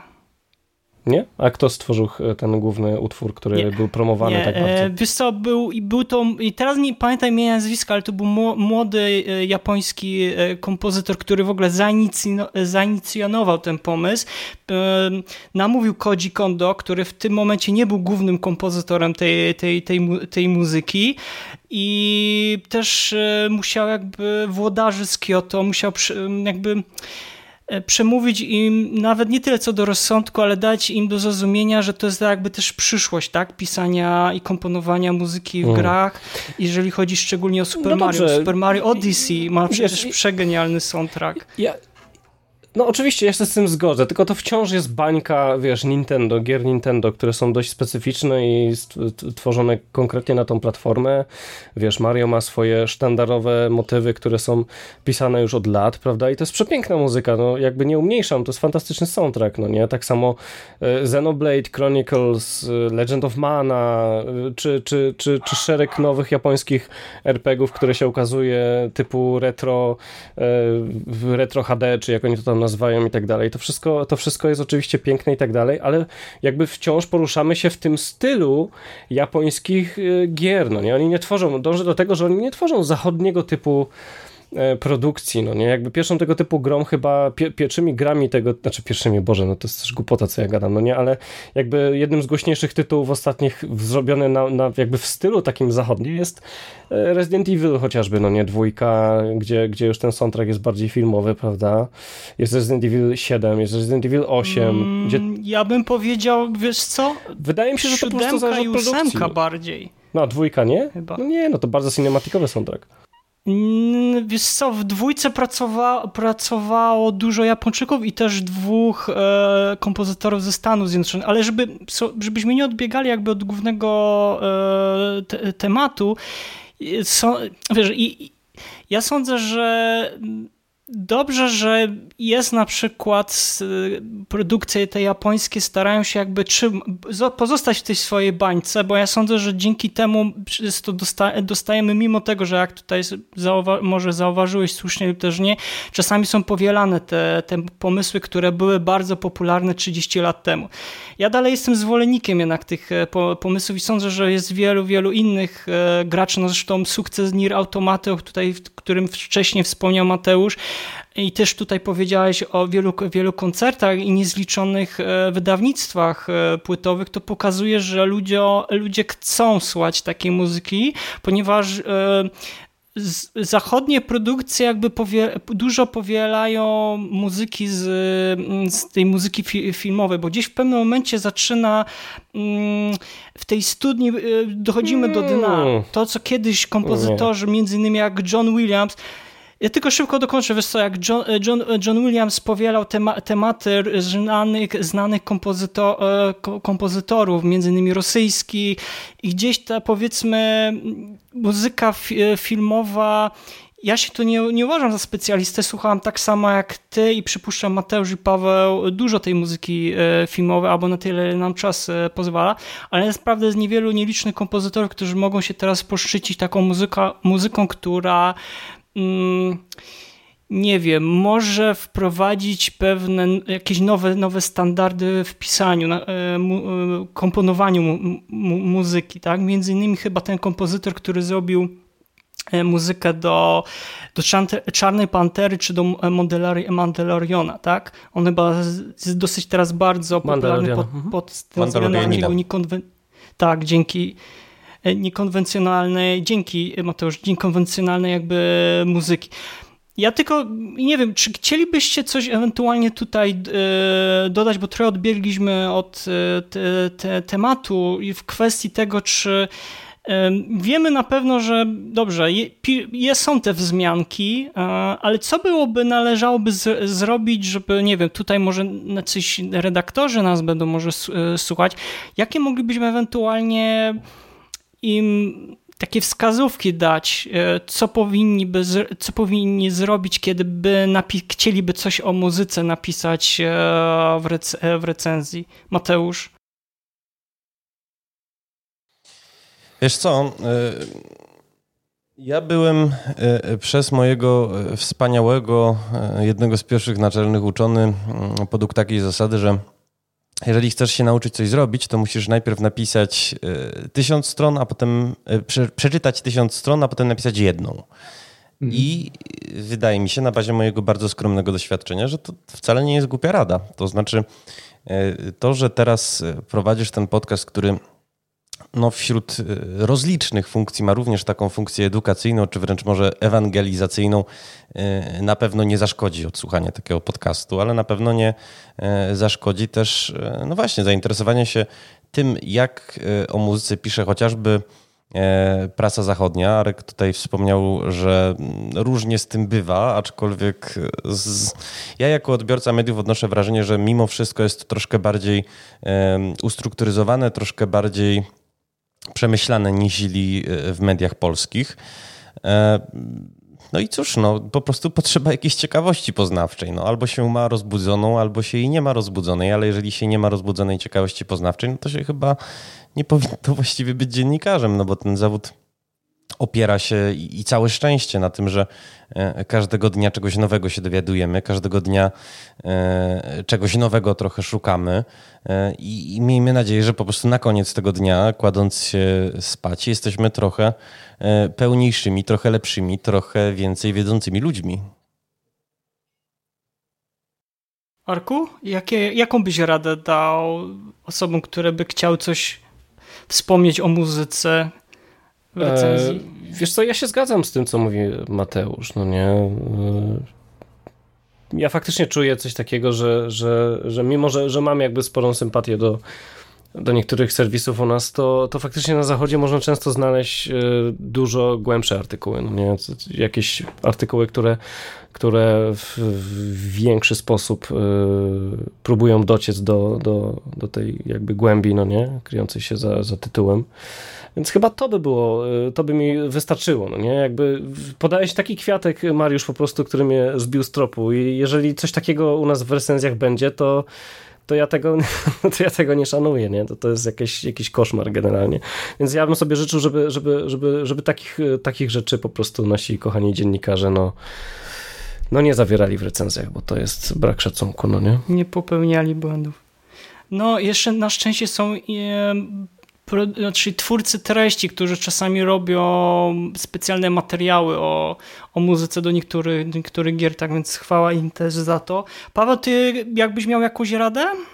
Chciałbyś coś tutaj jeszcze dodać na sam koniec? Znaczy, tr trudno mi pouczać e, koleżanki, kolegów, zwłaszcza, że większość z nich jest bardziej doświadczona ode mnie, ale jakbym miał dawać jakąkolwiek radę, e, mogę powiedzieć to e, jedną taką poradę, którą sam wymyśliłem i sam się do niej stosuję, pisząc swoje artykuły. Jeśli chcesz napisać coś głupiego, napisz to, przeczytaj i po prostu wywal. I to jest, to jest coś, co e, stosuję od wielu, wielu lat i bardzo mi to pomaga. No fakt faktem, to jest, może dzięki temu unikniemy takich kwiatków, które właśnie ty, Mariusz, e, przytoczyłeś, bo jeśli miałbym przeczytać właśnie w recenzji o tym, że muzyka jest brzdąknięciem albo coś w tym rodzaju, to już wolę tak naprawdę tego zdania w ogóle tak naprawdę nie przeczytać. Wiecie co, ale... Jeśli, jeśli, jeśli nie chcesz, jeśli potrafisz napisać coś o muzyce, napisz to, jeśli nie potrafisz, lepiej się za to nie zabieraj. Paweł tutaj na bardzo fajną rzecz zwrócił uwagę, mianowicie e, jest coś takiego e, przy redakcji tekstu, że ona bardzo często e, opiera się na takim założeniu, że, że, musimy wyciąć fragmenty, które, które kochamy, bo na przykład żeśmy super wyszli, jesteśmy nonszalanccy, zawłaszczyliśmy przestrzeń i widzisz, sprowadzamy w ogóle pracę kompozytora do do jakichś brzdąknięć i może to zresztą pozwala się poczuć, e, no, no, no, może nie panem świata, ale panem tej strony, na której publikujemy. E, natomiast tak, no oczywiście wydaje mi się, że to jest bardzo dobra rada, że po prostu należy po napisaniu tekstu spojrzeć na niego, no właśnie, przez pryzmat czytelnika, który go później przeczyta, no bo absolutnie drugorzędna jest tutaj jakaś poza autora względem tego, że czytelnik nie dostał treści, na którą no właśnie zasługuje. Na, to, to, po prostu psim obowiązkiem jest dostarczyć e, no, wrażenia również e, z oprawy dźwiękowej, z warstwy muzycznej. Hmm. Czyli taka empatia trochę, nie? By się przydała. Faktycznie. Lepszego podsumowania chyba bym nie wymyślił. E, drogi Arku, serdecznie jeszcze raz, naprawdę e, serdecznie dziękuję, że byłeś z nami, podzieliłeś się też swoją wiedzą i swoim takim... Mm, powiedział, poczuciem tego, jak byś sobie wyobrażał niektóre rzeczy, żeby lepiej to wszystko wiesz, wyglądało i też dzięki za, za, to, że cały czas nas też tutaj w niektórych odcinkach podcastu nas jeszcze edu, edukujesz, tak więc niezmiernie bardzo Ci serdecznie dziękujemy, że byłeś dzisiaj z nami. To ja dziękuję, bardzo mi miło. Mateuszu, no co ja mogę powiedzieć? No, bardzo Ci dziękuję, naprawdę. No, brak, brak słów i mam nadzieję, że e, kiedyś znowu przyjmiesz nasze zaproszenie do podcastu, żebyśmy mogli e, znowu jakiś arcy ciekawy m, mm, temat poruszyć, troszeczkę wygrzebać niektóre e, śmieci, które nam się za bardzo nie, nie, nie, podobają i fajnie by byłoby też poruszać ciężkie te tematy i m, mm, zawsze na łamach tego podcastu to robimy, tak więc bardzo Ci serdecznie dziękuję. E, to ja przepięknie dziękuję za zaproszenie. Słuchaj, e, bardzo serdecznie dziękujemy za przesłuchanie naszego kolejnego podcastu. To był podcast Słuchaj Gier. E, z tej strony, jak zawsze, kłania się w pas Mariusz Borkowski oraz Paweł Dębowski. Do usłyszenia, do zobaczenia. Cześć.